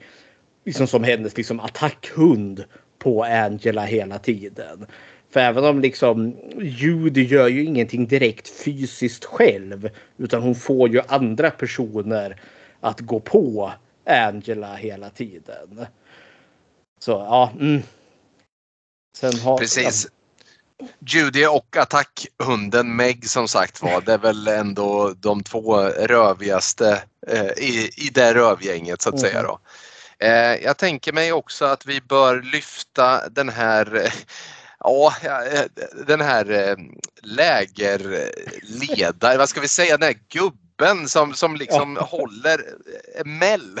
Han som äger. Han som äger det här lägret. Det är ju, ja, var ska vi börja med honom då? Det här är ju någon farbror som är tveksamt spelad, det måste jag säga. Den här skådisen, han har inte heller, om inte Keanu Reeves har på Oscarsgalan att göra så har definitivt inte den här mannen det att göra heller. Eh, vad, vad, vad tycker ni om Mell? Nej men det här är ju alltså vilket, röv, vilket rövhål det här är alltså på alla sätt och vis. Alltså, det finns ju den här karln han har, han har så mycket problem mm. med allt. Alltså, moralisk, hans moraliska kompass den gick ju sönder mm. någonstans innan den här filmen var färdiginspelad. Men ja, det finns mycket. Dels det här med att han han ska börja tysta ner mm. liksom, vad som sker här. För att det, det är ju ingen hemlighet att den här filmen är ganska präglad av dödsfall. Och mm. eh, på, ett, på ett, ja vad ska man säga, vad är svenska ordet? Liksom, är det ett kollo de är på? Kan man säga det? Liksom? Ja, ett sommarkollo. Ja, när bodycounten börjar komma upp liksom över, eh, ja, över ett, alltså mm. över noll så är det ju rejält illa. Hade det här hänt i Sverige och liksom en, ett barn hade dött hade det varit ramaskri här. Men mm. här är vi nu uppe och tuggar ändå på en tiotal tror jag när, innan filmen är slut. Och ja, han tystar ju ner allt det här. Det, det är ingen fara, det är en olycka. Det, mm. det är sånt som kan hända. Det, kolla åt sidan, här blir ni uppgraderade istället. Mm. får lite mer lön. Ja, Men, ja till lite av deras försvar. De första mordfallen går ju ändå som misstag för olyckor ändå om man tittar lite välvilligt på det. Eh, om man tittar lite väl välvilligt så går det absolut. Någonting som är svårare att titta på ett annat sätt är när den här eh, kompisen till Judy, alltså Meg, mm. får ju en, en kväll för sig att hon ska, den här middagen som hon ska mm. gå ut på är ju, hon har alltså en dejt inplanerad mm. med Mel. Ja, alltså hon är ju fullständigt med på den här dejten. Mm. Ja, driver är... den här dejten framåt. Hon är initiativtagaren till den. Ja, visst. Ja. Och vi kanske ska liksom lägga fram här, man ska, man ska inte basha folks utseende för det är Nej. elakt att göra men alltså, jag har svårt att se, nu vet jag alltså Judy och Mel är ju lite äldre tror jag ändå mm. än 13 här. De, vi får väl ändå ja, men... tänka sig att de är 15 kanske. Det kanske ja. jag sa förut här men någonstans där måste de ju vara. Är både längre, alltså mer fysiskt utvecklade och eh, ja, man ser liksom att de är äldre. Ja och Meg är ju också en camp counselor så hon ska väl ändå vara någonstans liksom mellan 18 och 20 eller något sånt där i alla fall minst. Ja, ja men vi får väl ge henne den åldern och då, mm. då är vi ändå snälla tror jag om vi sätter henne i den åldern. Men Mell här då, han är ju åtminstone 65 skulle jag säga. 118 till 120. Ja, ja, men, Ja, Konstant pratar... tuggandes på sin cigarr där. Det är inte en kar som har levt det hälsosamma livet. Nej, och vi, vi pratar ju inte ett utseende som George Clooney i, liksom, i sin prime här liksom, utan det här är, ja, jag vet inte vad liksom den här, det ser ut som farbror Melker på amfetamin oh, eller något. Liksom. Riktigt långmissbruk. Och, och, han är bara så otroligt obehaglig där han står och kammar till sig och ska mm. bli glad där att hon vill gå ut. Och sen, ja, Sen eh, när han börjar slå ett barn här senare i filmen mm. också och slår som en apa där. Alltså jag vet inte vad. Alltså jag, det är en ja. väldigt, väldigt obehaglig man där. Det är inte Bengt Alsterlind som är på det här kollot. Och han, Nej, han gör ju sådana här Donkey Kong punches också. Mm. Alltså där man slår så här som gorillor gör med båda händerna samtidigt. Liksom. Medan han ja. skriker ut en triad om varför han är helt övertygad om att den här pojken är skyldig till allt hans ja. lidande här. Ja, han är Skådespeleriet ju, alltså, når nya bottennivåer också när han kommer på det här och står och pratar för kameran eh, om det här innan. Liksom. Alltså det är ju det... Paranoid. Ja, och, ja, men det stämmer. Det är, vi får inte så ta upp nu när så nämnt skådespelet här för han Mel vi snackar inte Hollywood-eliten som kommer här. Och det är en del i varför den här filmen är så charmig. Och vi har många av de här alltså tonåringarna, barnen i den här filmen känns autentiska för de känns som barn. Det är den här märkliga biten i den här filmen som känns liksom, ja men det här känns riktigt. Det känns som barn på sommarkollo. Sen kommer det en skådis som Mel och bara levererar sina monologer som om man stod på en teaterscen. liksom pratar till kameran och liksom bara nej det, det här är inte trovärdigt någonstans. Men fan vad det är kul! Och höra de här cheesiga dumma monologerna.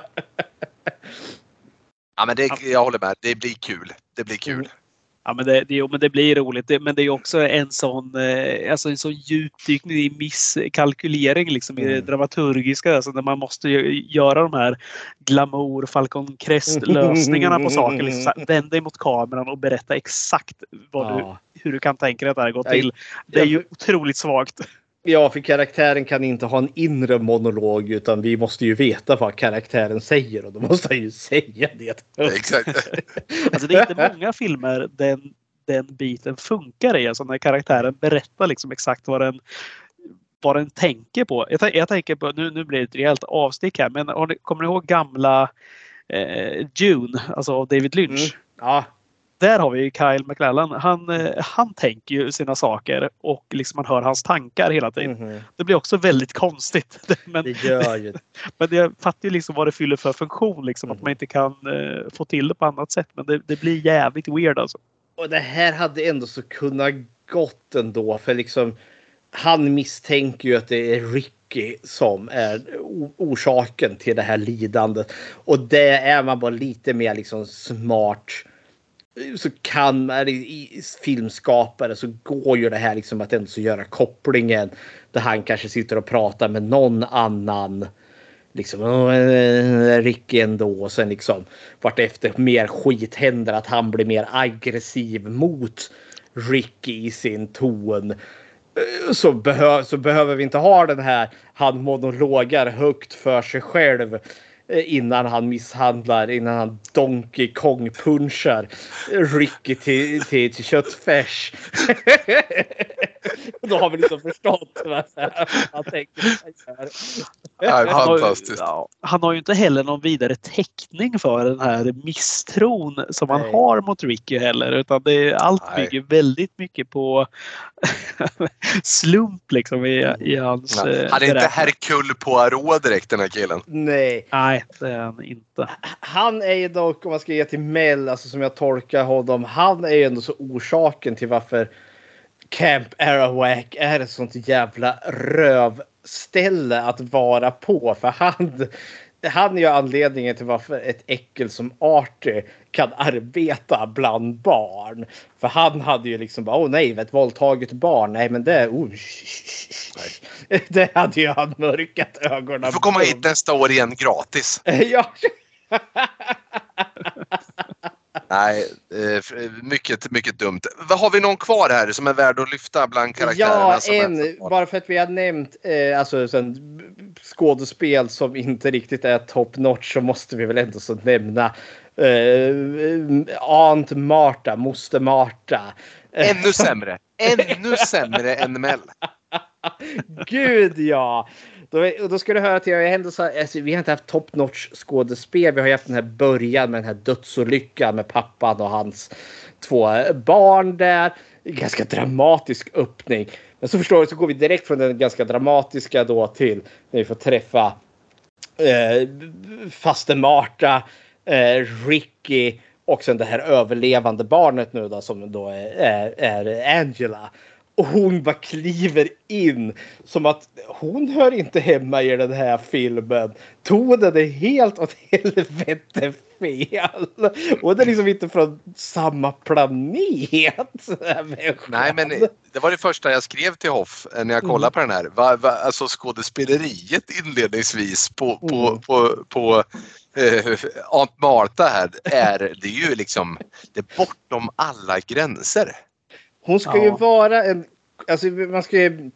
För det blir en platt point sen att, liksom att det här är en antar liksom mentalt instabil människa. Hon är konstig. Mm, eh, och visst, det, det, det förstår jag väl liksom är poängen. Men det, det, här är inte trovärdigt. Liksom en psykiskt märklig eller en konstig människa. För det, det, det är Cartoonias. Åh, oh, nej, det, nej, det, det är som hämtat liksom ur en SNL-sketch. Alltså hon hör hemma i en fem minuters sketch eller något sånt där. Inte i den här filmen. Ja, men så här, nu ska du spela som om det står 14 kameror här. Mm. och du ska tramsa inför kamerorna så mycket du kan. Mm. Så, så resultatet hade kunnat bli så. Men, och det är ja. en av anledningarna till varför jag älskar den här filmen. För den är så märkligt alltså tondöv. Den vet inte riktigt vad den håller på med och det är en charm med det. Ja, men den är ju, den är ju ganska, den är ju väldigt lågbudget filmen. Mm -hmm. och, sen det, och just den där biten känns ju verkligen som att ja, men här, vi har vi har 30 sekunder kvar material mm. som vi kan spela in. Och du, vi måste få med att du är mentalt instabil här. Mm. Du, du har den här korta tiden. Du måste trycka in så mycket som möjligt på den här lilla, lilla tiden och göra mm. det. Och du har en tagning på dig. Och så blir det liksom, ja, vi kör på det här. Det, liksom, mm. det blir, det, och det blir ju otroligt märkligt men ja, ja, nej, jag vet inte fan. Jag, ty jag, tycker hon är det minsta problemet i, i den här filmen. Ja. Det, det, jag tycker det är väldigt kul dock den här biten. Men ja, hon är inte med något mer sen. Så. Hon, är, hon är ju med väldigt lite. Men hon sticker ut som en tumme mitt i näven. ja, det gör hon. Det gör hon. Det är som en annan film som sagt var. Mm. Att man har klippt konstigt. eh, hörni, vad säger vi om... Jag tycker vi går vidare till miljön här nu då. För mm. nu har vi ju, nu har vi ju en palett av, av eh, lustigkurrar här. Platserna och miljön. Det här lägret nu då. Vad mm. tycker vi om det då? Vad, är det någon skillnad på eh, Camp Crystal Lake och, och det här eh, Sleepaway-lägret? Vad säger ni? Ja, men det, det, är ju i stort sett en, en liknande camp. Alltså, de är ju ganska identiska mm. eh, de här. Och det här är väl lite, alltså det ligger lite mer centralt där de här, de här stugorna. Det ligger lite tätare. Så mm. att det mm. blir liksom lite mer, lite mer liv på det här campet än vad det är i eh, Crystal Lake till exempel. Så det finns ju lite mer, lite mer saker att göra. Det är väl eh, om jag spinner vidare på det. Camp Crystal Lake känns ju mer som att det ligger verkligen i en skog-skog. Medans Camp Arawak känns som att den ligger Ja, men den skulle ligga, liksom, kunna ligga nära en strand utanför Linköping eller eh, en strand nära Eskilstuna här också. Vi är inte så jävla långt bort ifrån civilisationen. Eh, det, det, finns inte allt för mycket mörka, murriga träd som Jason kan stå och flåsa bakom. Utan det, det är mycket liksom öppna, öppen planyta. Men det jag gillar verkligen, alltså Camp Arawak känns... Eh, för, återigen, den här filmens märkliga eh, ton att kunna gå från det här helt bonkers up the walls till det här känns äkta, autenticitet. Och de är ju på ett riktigt läger. Jag ser slitaget vi, när vi är inne i den här stora hallen. Det är ju fullt med klotter på väggarna.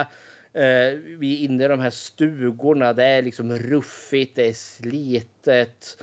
Man ser liksom att det här, det här är ett riktigt sommarläger och det är ju för att ja, det är en lågbudgetfilm så de, bara tog, de filmade in det på ett riktigt sommarläger det förhöjer verkligen känslan enormt för mig. Eh, för det känns så äkta allting. Plus också att det är bokstavligen barn där. Vi har riktigt, liksom, det är ett riktigt sommarläge. Vad fan, det är väl bara i film nummer sex i fredagen då vi faktiskt har barn på Camp Crystal Lake. och även det känns lite krystat för det är väldigt få barn. Medan Camp Arawak, alltså det känns usch. Eh, jag skulle inte vilja arbeta. Jag, jag hade liksom fått jag, istället för stackars Artie som faller över, liksom får vattnet över sig så hade jag hoppat ner i den där jävla kastrullen för jag hade inte stått ut med att vara där. Kaos av barn! Och jag hade eh, avlidit. Men det är också därför att allt känns äkta. Det känns otroligt jävla äkta i den här filmen. Det är ju det är väl eh, helt äkta allting. Mm -hmm. Han eh, Robert Hitzik heter han så som mm -hmm. har mhm. gjort den. Han, eh, jag, jag, såg något så här extra material när jag kollade på den här. Så sa han ju det att det här var faktiskt ett camp som han hade själv åkt på mm -hmm. när han var liten också. Och mycket av det scener som finns, alltså det material som används när de går av bussen till exempel mm. är ju just eh, riktigt folk som går av liksom ska mm. vara här. Mm. Så att det, det, det, får man väl på grund av att det är låg budget och sen kanske man vill ha den här realismen som mm. ska in också. Det jag tror bidrar mycket till att det faktiskt känns som alltså livat och att eh, det är på riktigt. Mm-hmm. Det, det är till filmens fördel ändå. Uh, det är lite den här charmen med så här lågbudgetfilm som måste grilla filma för det fanns väl inte allt för många kanske föräldrar som visste att deras barn kommer finnas med i bakgrunden på en sån här ganska grisig skräckfilm som gick på bio sen. Som fick sig kanske en överraskning. Men är inte det där lilla Kalle som springer i bakgrunden? Och, och för Kalle något att prata om sen på, på puben när han, ska, när han ska skryta om sina, sitt liv. Jajamensan. Den känslan jag får just för att det känns så äkta. Det, det är så pass liksom att jag känner jag känner dofterna, jag inbillar mig. Jag, det, liksom, jag, jag kan verkligen leva mig in i det här. Och det är också en del i den här charmen av de här tidiga 80-tals slasherfilmerna. Alltså man var ju på plats för att liksom alltså, alltså budgetbesparingar rätt och slätt. Kontra liksom äldre filmer då mer budget kommer till då det blir studio. Visst det blir kanske lite visuellt snyggare. Men det är inte riktigt äkta. Den här filmen är äkta trots allt. Mm, mm, mm. Mums, mums. Ja, men eh, jag håller med dig fullständigt. Det är ett eh, slitet eh, läger och det är en ruffig skräckfilm och, och det är bra. Det är bara positivt. Eh, hörni, mina herrar, det är dags att presentera hotet tycker jag. För här mm. känns det som att vi kommer behöva röra oss en liten stund. Hotet. Jag skulle bara så här, innan vi går in på den som utgör hotet så skulle jag bara vilja liksom, håller ni med mig när jag säger att eh, morden ändå är lite sådär, det är inte bara en machete inom pannbenet utan eh, vi har lite av varje här. Ni nämnde den mm. kokande grytan. Ja, vi har ett getingbo. Ja, men vi har lite av varje i den här filmen. Mm. Vad säger ni? Det, det här är ju vad jag tycker om, precis som jag pratade om med min kärlek för slasherfilmer, stannar ofta vid just den här kreativa dödsfallen. Alltså mm. det, och jag kan tycka det är kul också med en mördare som varierar sig och inte bara kör sin machete eller liknande. Även fast jag älskar just att man håller kvar vid en och samma så tycker mm. jag även om mördare som men nu testar jag något nytt här och, och kör eh, ja, med blandad framgång och ser vad det är. Sen när man tar lite det här som bara dyker upp också använder som eh, mordvapen. Vi har något litet mm. getingbo här men sen har vi det absolut mest brutala mm. jag tror jag har sett faktiskt i en eh, slashfilm. Jag tänkte inte riktigt på det då för att eh, om man inte kollar helt med båda ögonen och liksom fokusera så kanske lite förbi det. För vi, vi har ju en eh, det är ju Judy som faller, faller offer och eh, hon blir ju alltså strypt eller kvävd med en kudde. Men ja, jag vet inte fan om det är det hon dör av eller mm. om det är just vad som händer det där. För att i hennes lilla, vad sa den, kala kulle där så får hon mm. en locktång, locktång, varm, het som bara den, uppstucken också. Samtidigt som den här eh, kudden och det är ju fan så brutalt. Det, det känns inte som att så där gör man inte på film mot, mot, mot pre-teens. Alltså, du får fan vara över 16 för att åka mm. ut för det mm. där. Alltså, det, här, det här är brutalt. Det är ett chockerande mord utan dess like. Och då får vi ju inte se någonting egentligen. Så det är ju skugg, skuggor. Vi får ju se den där locktången komma ner och sen liksom förstår vi att den slinker in mellan benen. Och så ser vi ju hennes händer som sticker upp och så hör vi det här fräsande bubblande ljudet. Och, det, och trots att jag ingenting ser så är det liksom, åh gode gud, för jag vet ju vart den där locktången har tagit vägen. Och det är också lite sån här i slasherfilmen, liksom det, när det kommer liksom till äh, attack mot genitalier då är det allt som oftast män som drabbas av det i de här filmerna. Liksom man, de får liksom en eh, kniv in i skrevet och så kommer den ut i rumpan eller något sånt där. Eller en yxa upp i skrevet så man förstår att det är någon form av kastrering. Det är sällan kvinnor liksom får sina genitalier attackerade i de här filmerna. Men det, det blir ju verkligen i den här filmen och det är uh, och det drar ut på det. Det är inte som att man bara ser den där liksom skuggan av locktången försvinna in och så är så eh, cut to black och vi hör hennes kvävda skrik utan vi är kvar i skriket och hennes plågade läten en bra stund och en goda 20 sekunder där bara. Ja, det där är för jävligt. Alltså jag, jag satt och, när jag såg det där så tänkte jag så här. Alltså först som sagt, jag kunde inte riktigt fatta vad som hände och sen bara, ja men fy fan, det är det där. Och det, det första som slog mig då var att eh, det som jag hade som jag kunde liksom eh, härleda det till det var det är Antichrist den här mm. von Trier-filmen. Ja. Nu kommer jag inte ihåg vad hon heter där men både huvudkaraktärerna, båda både Willem Dafoe, mm -hmm. han får ju sina, eh, sina genitalier krossade mer eller mindre mm. med en stock där och hon går ju lös med en sax här för mig, eller en kniv mm. på sig själv där. Alltså fy fan det där alltså. Det, när man sitter liksom bara vrider på sig fast det bara är de här skuggorna i den här filmen. Det, det... Då, då har man lyckats. Ja, men det är chockerande överlag och just, jag vet inte varför just med kanske kvinnor då, för det får mig att tänka på Exorcisten. När hon är besatt av demonen när hon liksom upprepade liksom hugger sig i sitt underliv med, med ett krucifix och skriker Fuck me Jesus, fuck me. Och jag vet och, av någon anledning så liksom det bara liksom för jag vet inte om det har att göra också med att man är man just det här med pung, slag mot pungen. Det liksom oh, det gör ont. Men det har ju också använts liksom som någon form av alltså comic punch bag. Det är liksom besegra boven i en actionfilm att sparka i kuken. Eller i någon komedi. Liksom, Oj, någon var fick en fotboll i ballen.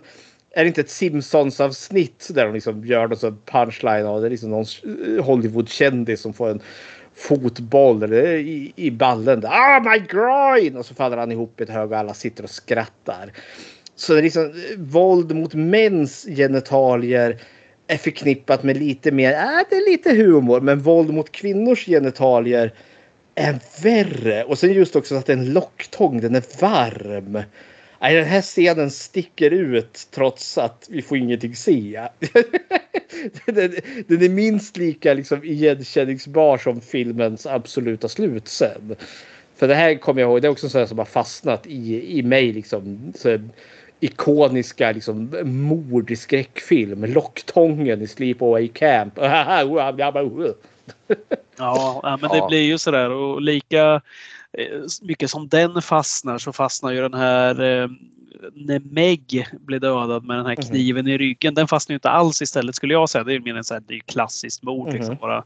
Det, det där har man sett dussin mm. gånger. Ett slasher-mord är det helt enkelt. Det är, det är väl det mest klassiska slasher-mord vi har i den här filmen egentligen. Ja. Alla andra är liksom lite out there allihopa mer eller mindre. Ja, nej, men jag gillar det här. Det, det här getingbot kastas mm. in liksom på på det här utedasset. Sen eh, i all ära får man väl säga också att det, det är ohyggligt dålig reaktion av den som sitter och krämar inne på det här utedasset eh, och inte ens försöka fly därifrån. Han drabbas av ta... fruktansvärd panik. Han skulle ju ta en epic dump.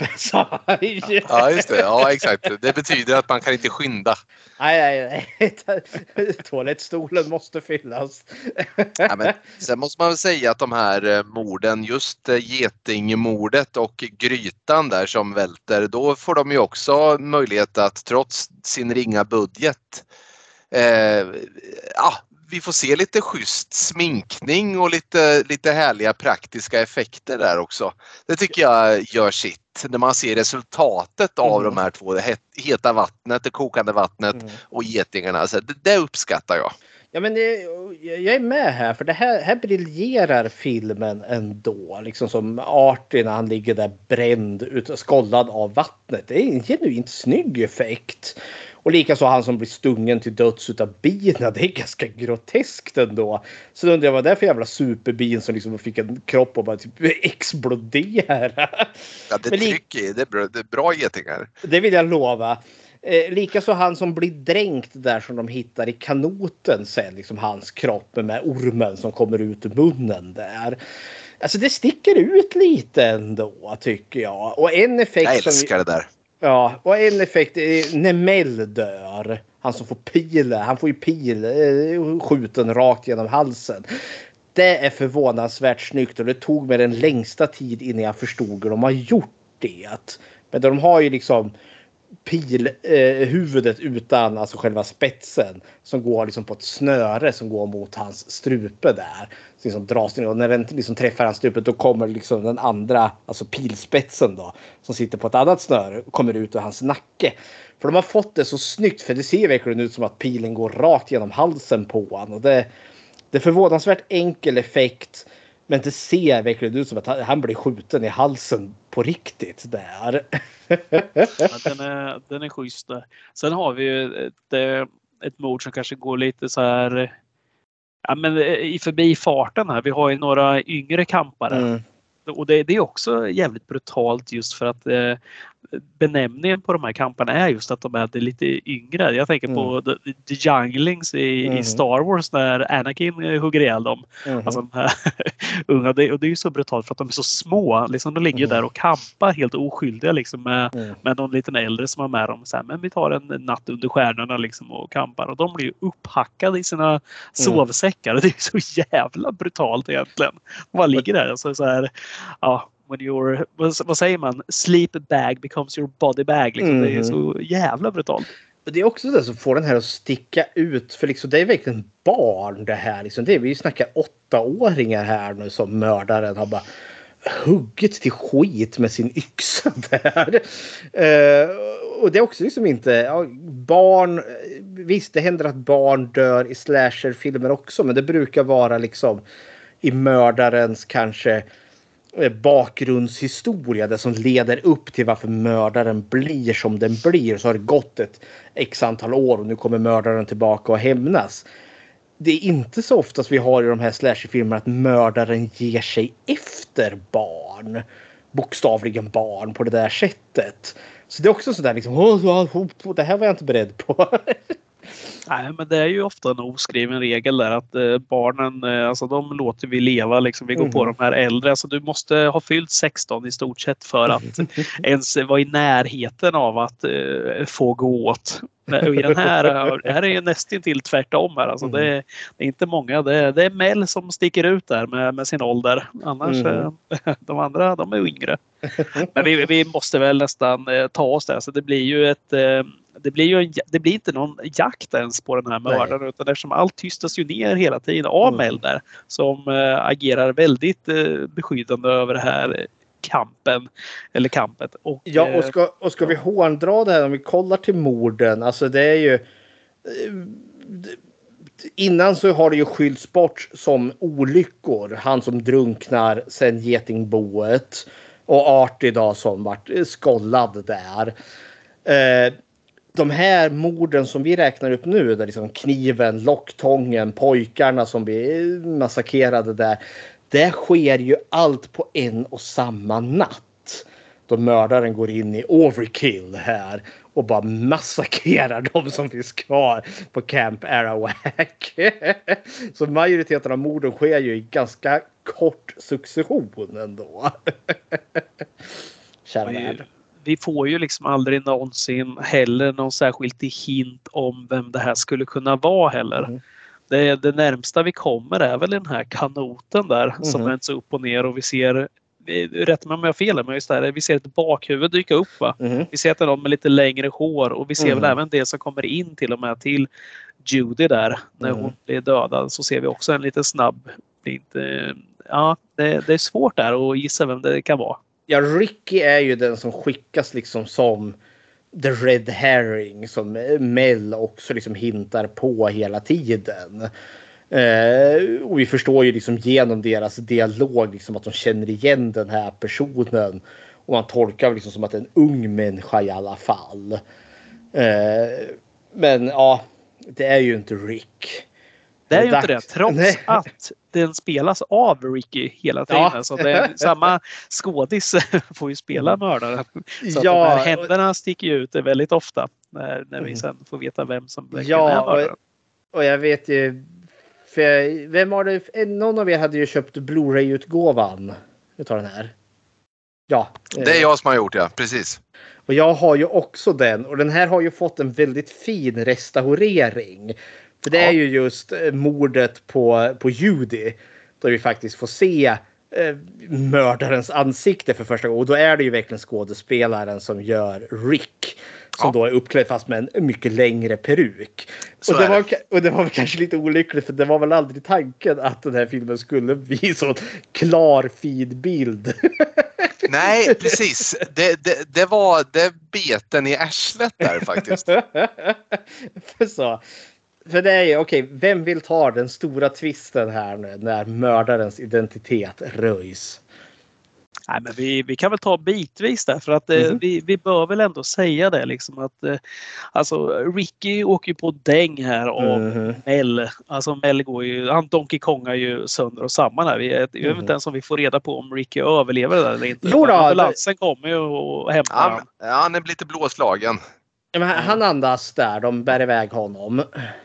Men vi vet i alla fall att ja, men då kan vi ju bortskriva honom. Vi skriver mm. bort honom helt från misstanke i alla fall. Och då har vi ju egentligen då, vem har vi kvar då? Jo, vi har ju hans kompis Paul kvar då. Mm. Han som eh, limmar då på Angela. För de ska ju mötas upp där på, är det på stranden va? Som man ska Jajamensan. få till det lite. Ja, mm. precis. Hon är ju mer eller mindre förlåtit honom får vi nästan utgå mm. från.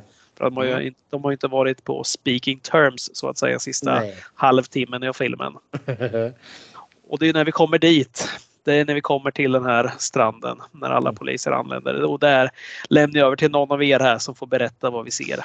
Ja, men jag kan ta vid där så är det du som står för twisten sen Fredrik eftersom du är gäst. Eh, där sitter eh, en nynnande eh, tös och klappar håret av eh, någon som numera saknar kropp. eh, och eh, det är ju då Angela som sitter här och eh, eh har eh, halshuggit den gode Paul. Eh, nynnar en sång och smeker hans hår och ser mycket, mycket eh, otäck ut. Det är bonskott, muskelbåndskott och sen någon mer va och den här tjejen va som hittar eh, Ja, den snälla tjej Camp Precis, den snälla scout och muskelmannen. Eh, och sen så eh, ställer hon sig upp och Fredrik, är, Angela är det, men vem, vad är det som skaver här? Angela är ju den här unga, liksom späda flickkroppen med en snopp! Nej! Angela är ju inte en flicka. Det är ju en pojke. My God! Ja. Vilken twist! Och det här det, det harkar tillbaka till början här då med pappan och hans två eh, barn i båtolyckan där då. För han har ju en dotter och en son. Och vi har ju blivit ledd att tro att det var pappan och sonen som dog. Och sen har eh, dottern då blivit adopterad utav ja, moster Marta där. Men det är ju inte så. Det var ju flickan som dog tillsammans med pappa där. Men faster Marta är ju inte riktigt vid sina sunda vätskor och tycker ju att ja, men hon har ju redan en pojke i form av Ricky. Så jag vill ju ha en dotter. Så då, eh, och, din syster Angela dog ju. Så då kan ju du bli Angela. Så då förstår vi ju att den svårt traumatiserade och hjärnskadade Peter som han heter blir ju då, har blivit då fostrad sen barnsben här då till att bli Angela.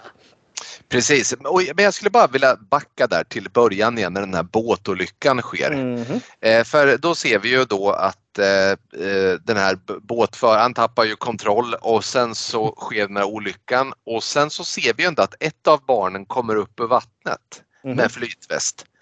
Eh, jag noterar ju ändå, eh, gör ni det också, att det här barnet har kort hår som kommer upp i vattnet? Ja, det gör jag också. Det är bevisligen pojken där. Ja, vilket, vilket liksom skulle kunna ta skingrat den här twisten mm. något i, i, i någon mening.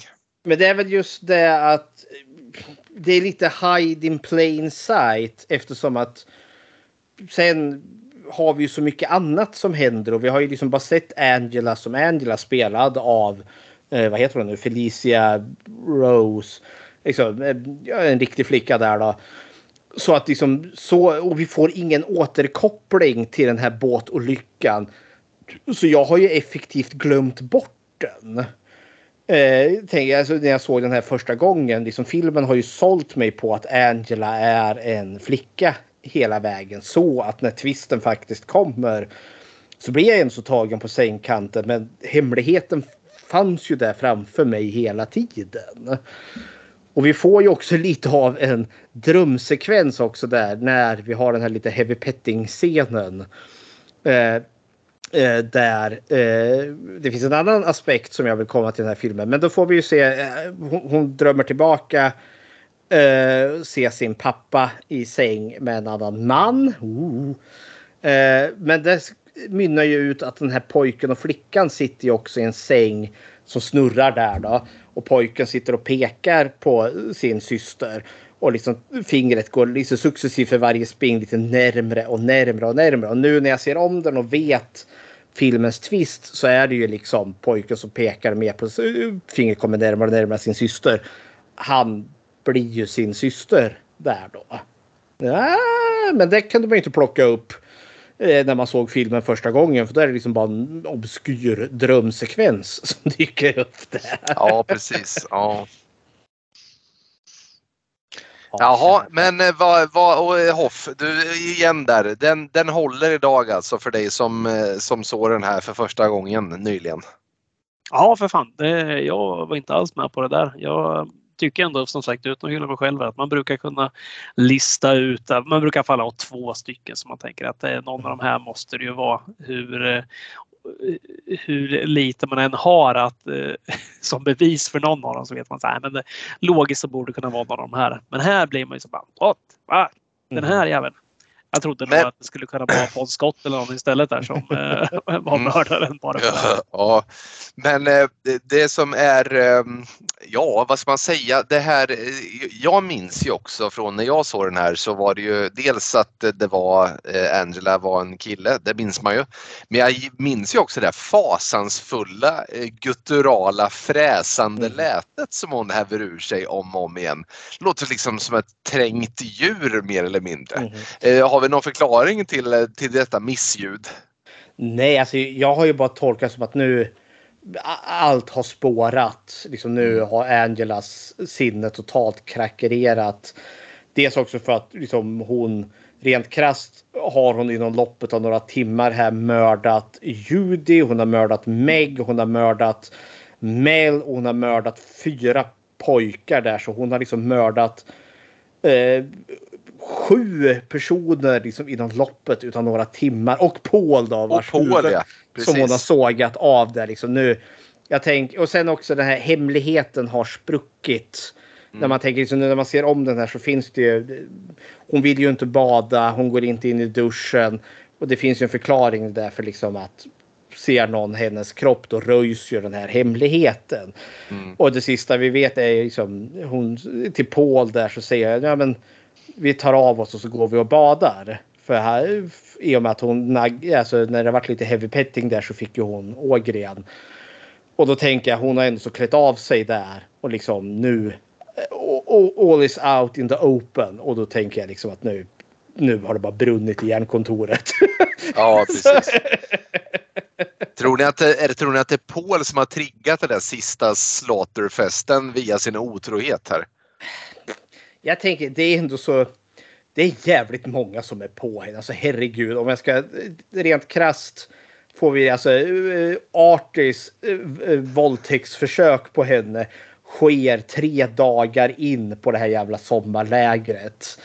Och hon har liksom delat rum med den här vidriga Judy och deras camp counselor har ju varit hon den här helt orimliga Meg så liksom hon har liksom bara haft, hon har haft en djävulsk sommar här. Så liksom nu shit has hit the fan. Tänker jag liksom det här är liksom mm, nu, nu, nu, är det, nu är det nog. Ja, eh. alltså det där är... Man vet inte fan. Alltså den här filmen den, den gör sig så mycket otjänster på många sätt och vis. Mm. Jag, jag och Niklas har pratat lite kort om det här, mässat lite fram och tillbaks med vad man egentligen vill säga med det. Men det, det är jävligt mycket konstiga saker. Det är precis som att eh, Elm Street 2 har med stackars Mark Patton här som, mm. som eh, råkade rätt illa ut efter att han fick komma ut som gay mm. utan att vare sig vilja eller inte. Så den här filmen gör sig inte en tjänst genom att ha den här eh, ganska osunda inställningen till pedofili i början mm. som sen bestraffas på ett visst sätt, fine. Men sen gör den sig jävligt konstigt där med att den ska visa den ligger en jättestor vikt vid att pappan här, John, alltså pappan mm. till Angela och Peter ska vara gay och att det ska vara någonting Ja, jag skulle säga så här. Filmen försöker inte få det normaliserat på något sätt här utan det framställs snarare som att det ska vara någonting väldigt, väldigt konstigt och som kanske gör att Angela har blivit som hon har blivit. Tack vare det och tack vare eller Martha här också. Då. Mm -hmm. Så att det blir väldigt konstigt hela det här samtidigt som att det också blir någon slags så här, könsidentitets eh, skrik här att eh, Angela har gått hela sitt liv här kanske ja, det, nu, i nuet idag så ligger det väl ganska nära med, vi har rätt mycket människor som kanske alltså gör en, eh, ett könsbyte. Man får höra om det här att eh, det mentala kanske spökar liksom att det, det, mm. det, är jobbigt att inte få vara den man vill vara eller den man tror sig vara. Och jag vet inte fan alltså den här filmen den, den vet inte var den står någonstans gällande det här. Och det, det, alltså det, det blir väldigt konstigt. Jag, nu, nu är man ju själv en, alltså tillhör inte jag ett spann som har något problem där med det. Jag har svårt att känna in mig i det men jag misstänker att den inte tas jätteväl emot och om man tillhör det här på något sätt, någon sån gruppering, då blir det ett, en helt annan aspekt på det. Det det. det här som är så otroligt fascinerande med Sleepaway Camp. Att vi, vi, vi hittar läger för både och. Den som då anklagar den här filmen för att vara djupt homofobisk och transfobisk framför allt i och med att Angela är våran mördare här då och det är liksom en, en flicka men som har en pojkes kropp där. Och, och det claimet går helt klart att göra. Liksom. Eh, men det är det som är så fascinerande. Det är därför den här filmen har pratats om och diskuterats om. Eh, för dels, den är jävligt otydlig med den här homosexualiteten. Deras pappa som bevisligen då har ihop det med den här andra mannen som vissa har dividerat att det är eh, faster Martas man som han har en liten flört med. Eh, att det nödvändigtvis inte porträtteras negativt på något vis och vänster egentligen utan det är snarare vi får se de här eh, de ligger ju där i sängen och har lite kuckelimurr. pussar på varandra och så kommer barnen in där Oh, fniss fniss fniss fniss. Men det verkar liksom inte osunt på det sättet.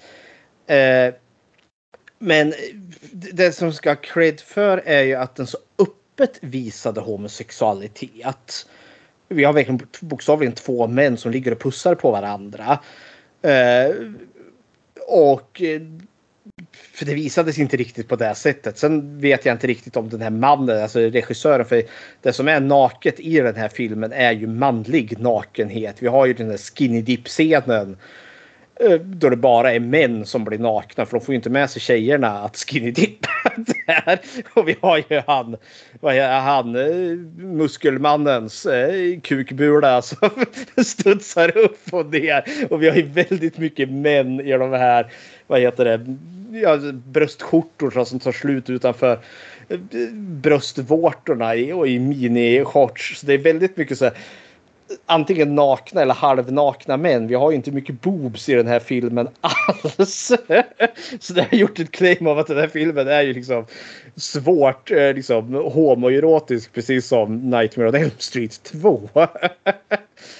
Eh, men eh, jag själv då som homosexuell man hade lite att hämta från den här filmen. Inte för att det direkt var något så spännande Alltså, att det var ju mycket manligt naket, det var ju kul. Men ja, när jag liksom var ung, det lilla jag såg var en så någorlunda positiv liksom, reaktion av de här liksom, fäderna, deras pappa som håller på att pussa lite. Det var ändå något som fanns med. Sen den här transbiten, det kopplar jag lite bort för det är lite bortom mig. Men så kan man ju också göra det här claimet att Angela är ju faktiskt inte en transperson. För hon har ju inte valt den här liksom. Alltså att hon har någon form av könsdysfori. Eh, att hon är en, hon är en kvinna, en flicka född i en pojkes kropp. Utan att hon är ju faktiskt utsatt för, nu säger jag hon hela tiden här. Eh, men för liksom misshandel. Eh, faster Marta är ju den som tvingar in Peter som han egentligen heter till att vara Angela den här traumatiserade pojken som har förlorat sin pappa och sin eh, syster. Så det är ju barnmisshandel där och jag tänker liksom att det är det som får liksom Angela att snap när hon verkligen är på Arawak och kanske börjar få sin liksom sin blommande sexualitet. Det kanske Peter kanske var homosexuell i grund och botten men har ju tvingats in att bli flicka här och så vidare. Så det egentligen har liksom inget den här transbiten har ju ingenting att göra med att Angela blir en mördare utan det är ju snarare liksom som att äh, hennes jävla fast, eller äh, hennes faster har ju fuckat upp hennes barndom för att hon är ju inte klok i huvudet. Och så har du ett barndomstrauma vilket har kastat in henne i total jävla identitetskris som då kulminerar här i galenskapen på Arawak. Hepp. Ja, jag tänkte faktiskt på det, den här eh, biten. Nu sa ni något helt annat än vad jag tänkte men just den här flashbacken som är tillbaka här när mm. hon sitter i sängen där efter att ha sett eh, pappan och hans mm. älskare får väl utgå från att det är då. Så sitter hon ju i sängen. Jag tänkte aldrig på om det var Angela och Peter eller om det var Ricky och Angela. För jag vet inte om det riktigt framgick där men det kanske var Angela och Peter. Mm. Men jag fick inte den bilden att hon blir honom eller tvärtom då. Utan jag tänkte nog faktiskt att det där var Alltså att nu, nu övertolkar jag något kopiöst här men det, det, blev så eftersom jag tyckte det var så jävla märkligt med det här varför pappan ska vara gay och varför det ska läggas fokus på det precis innan. Mm. Så då tänkte jag att de har sett det här och då fått någon slags snedvriden eh, sexuell bild här. Alltså så att det blir någon slags incestuöst eh, det här med barnen. Att de sitter och pekar på varandra och att ah, men nu, nu ska vi testa och se vad de håller på med där. Eh, förstår ni vad jag menar där? Alltså det, det är en ja. övertolkning deluxe här antagligen från min sida. Nej, men, det, det, nej, det skulle jag inte heller säga. För, för jag ser den tolkningen också. Jag har varit och lyssnat på lite andra poddar som har pratat om den och sett, läst lite alltså, hot takes på den här. Och det, det, du är inte den första som drar upp den. Liksom, att det finns den här. De har sett eh, sin pappa i säng med någon annan och sen de som barn då liksom ja, men, första inblick i någon form av sexualitet som de inte förstår sig på. Att, det liksom, att vi har den biten också. Så det går mycket väl att göra den tolkningen också. Helt klart. Fast eh, den här som jag gjorde sen nu är ju bara för att jag har sett om den nu med vetskapen att hon är Angela, är Peter. Då, då var det för mig, för jag, jag, tycker bättre om den tolkningen. Jag ogillar incestbiten. Men, varför, men varför inte? Den här filmen har kastat in ta mig fan allt, så incest, why not? nej, men, det, nej, men det, det, är ju kul, men så kul. Det är fel mm. ord alltså när, när det är så här. Vår, vår podd brukar vara mycket. vi brukar inte vara så här djupa riktigt, men det, det, det blir kul med en film som är så pass ja, men rak är ju den här filmen i mångt och mycket. Och eh, alltså när den inte tar sig allt för stort allvar och sen helt plötsligt finns det såna här bitar som man ändå kan mm. uppenbarligen djupdyka i och tolka på olika sätt.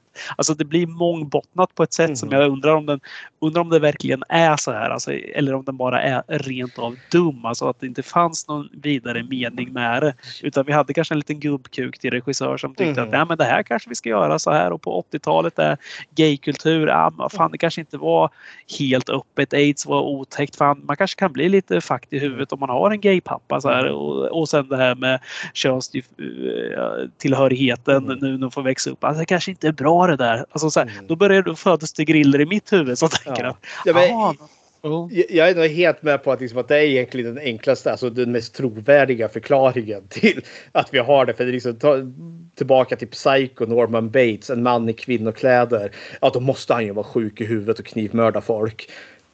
Så enkelt var mm. det. Var den förklaringen man behövde. Och just det här då, Angela, eh, en flicka som har snopp. Vilken jävla sting ändå. Det, är liksom, det har ingen annan film avslutat med än så länge. Så det är nog så enkelt som så. Men sen har det ju tolkats in i den här för den lämpar sig till det. En annan aspekt som jag har tyckt varit kul, det har jag ställt mig frågande. Ricky, vet han om att Angela eh, egentligen är en pojke. Det känns inte orimligt för eh, varför han är så jävla beskyddande över henne hela tiden. Nej, för det känns omöjligt att han inte, alltså, mm. skulle kunna veta det om de nu är uppvuxna tillsammans. Mm. Det känns helt orimligt. Ja. Eh, dessutom tycker jag, och det tänkte jag faktiskt på den här gången när vi såg den här filmen, att det är ju vid flertal tillfällen där det just berör duschen och att mm. Angela inte vill duscha. Då mm. blir han, då reagerar ju Ricky. Nej men lägg mm. av så här. Det ska ni inte. Jag, så att jag får den mm. känslan. Att ja, han vet där. Och vi har ju också den här scenen då orimliga Meg där eh, ska kasta ner Angela i sjön. Mm. Så har jag också tänkt det så att ja men Rick ska ju försvara henne där, men hon blir ju nerslängd. Men dels också, du har ju traumat som hände vid sjön. Mm. Eh, men så har jag också tänkt, för en av aspekterna till varför jag gillar Rick så mycket, för det var den här liksom som ung och gay kille. Det var svårt, man hade liksom, det, det så, jag känner igen mig så mycket i Angela för att man var så liksom så djupt inne i garderoben. Eh, och liksom en tapetblomma som jag var på den och man hade den här hemligheten. Då var det så otroligt lätt att identifiera mig med Angela. Eh, bara av den aspekten att hon är introvert. Men så lägger du på den här liksom könsbiten och sexualitetsbiten också så kunde jag identifiera mig ännu mer. Då blir Rick en sån här fantastisk. Oh vad skönt det hade varit att haft en sån vän. Den här liksom som bara kommer och spör upp alla vidriga homofober. Nu är de ju inte homofober, men hade de varit det så hade han ju varit där och slagit dem på käften. Det är liksom så här gay power fantasi att ha den här the straight when, straight kompisen som springer omkring och slår dumjävlarna på käften. Den är inte så jävla bra på att slå dem på käften, men han är åtminstone där och bökar och stakar i alla fall. Nej, men den någon, finns... Eh, ja. Förlåt, är det någon av er som har sett eh, uppföljarna på de här? Det finns ju ja. två, tre stycken. Det finns eh, tre uppföljare, två, tre och fyra. Och det är... Det är en... Det går katastrof neråt i kvalitet kan jag avslöja. Ja, jag, jag såg betygen så när jag bara googlade lite snabbt där. Men jag såg även att han Hitzink, Hitzink vad han nu mm. heter, regissören, han hade gjort en, eh, en uppföljare som skulle ta vid där den här mm. slutade. För han har inte gjort tvåan eller trean utan Nej. han har gjort någon nyare som kom runt 2000 Ja, någonstans, ja, sex, där någonstans. Return to uh, Sleepaway Camp. Ja men exakt, det var svårt att hitta någon distributör till det där mm. och så vidare. Och så skulle, ha lyckats ändå få, få det där ihopklippt. Men han skulle ändå göra en tredje tror jag nu som mm. skulle komma ut. Som det skulle bli någon slags avslutande trilogi. Men ah, det jag ville komma till bara var att det, det första jag läste när jag lä läste Jag var inte ett dugg sugen på att se det om jag ska vara ärlig för det lät ganska crap. Men mm. när man läser att, då, att Angela är tillbaka fast mm. i vuxen eh, form här då och eh, har ju genomgått någon eh, operation för att bli mm. eh, kvinna också. Men jag såg bara att det spelades av husguden Springsteens syrra där. Att Pamela Springsteen mm. som spelar Angela. Det tyckte jag var härligt. Så här, kul trivia att få avsluta med här. Ja, men ja, upp, i, i uppföljarna så är, har hon ju könskorrigerat sig. Men de är ju mycket mer av komedier än vad de är någonting annat. Tvåan och trean är harmlösa egentligen. Eh, där hon liksom är som någon hämnande ängel. Hon bara avlivar mobbare på, eh, till höger och vänster. Film nummer fyra är horribel. God damn vad det är en dålig film. ja, ja. Hepp. Ja, nej, som sagt var, den här filmen den tål att analyseras. Jag tror personligen inte att det finns så mycket egentligen att eh, eh, analysera utan jag, jag tror att man skapar sin egen, eh, sin egen mytologi kring den här filmen lite grann. Eh, sen är det ju så, och det kanske du också får skriva under på Hoff, att eh, för en annan sådär som, som inte kan liksom identifiera sig med något med så här hbtq-fack så är det lite minerad mark och, och lämpligt är att hålla sin gubbkäft stängd för att inte trampa fel. Men min vill jag bara säga där, min känsla för den här filmen har aldrig varit riktigt att hon, för att hon är eh, eh, en man som eh, i, går i kvinnokläder, att det på något sätt är riskbeteende att mörda folk utan snarare att den här galna eh, Martha har drivit honom i fördärvet i och med att eh, hon har tvingat honom att vara något som han inte är. Det har mynnat ut i det här. Det har alltid varit min tolkning i alla fall. Och sen är det också majoriteten utav mordoffren är ju de här. Det är ju det här rövgänget som har behandlat henne som skit. Mm. Så det är också det där liksom. Ja, men de är ju mobbare. Ja, vad händer om mobboffret plötsligt ger tillbaka? Ja, det är då blir liksom, det så här. Med undantag för de här fyra pojkarna i sovsäckarna. Liksom, vad hände där? Ja, men där var hon utom räddning. Jag tror Eller han. uh, ja, där tappade hon det bara rakt av. Men ska, ja. vi, ska vi göra som vi brukar göra? Man får, alla får säga några välvalda ord och ett eh, betyg om filmen. Det är väl mm. en bra sätt att runda av lite på. Det kör vi på. Ska vi säga att gästen får börja? Okej, då börjar jag. Alltså det här, vi har redan varit inne och pratat ganska mycket om den här, de djupa bottnarna. Men det, det, det, jag tror det är som du säger Niklas, att den här filmen är mycket simplare. Den är känd för att den har twisten av en flicka med en snopp i slutet. Det var den är känd för. Och sen har den liksom fastnat i folkmedvetandet och så har man liksom lagt till en jävla massa saker, tolkningsmöjligheter som jag inte tror fanns där någonstans i den här filmen. Men jag tycker det här är en awesome film. Eh, dels för att den går in i lite territorium som är lite jobbiga. Eh, eh dels, eh, men också att den känns autentisk.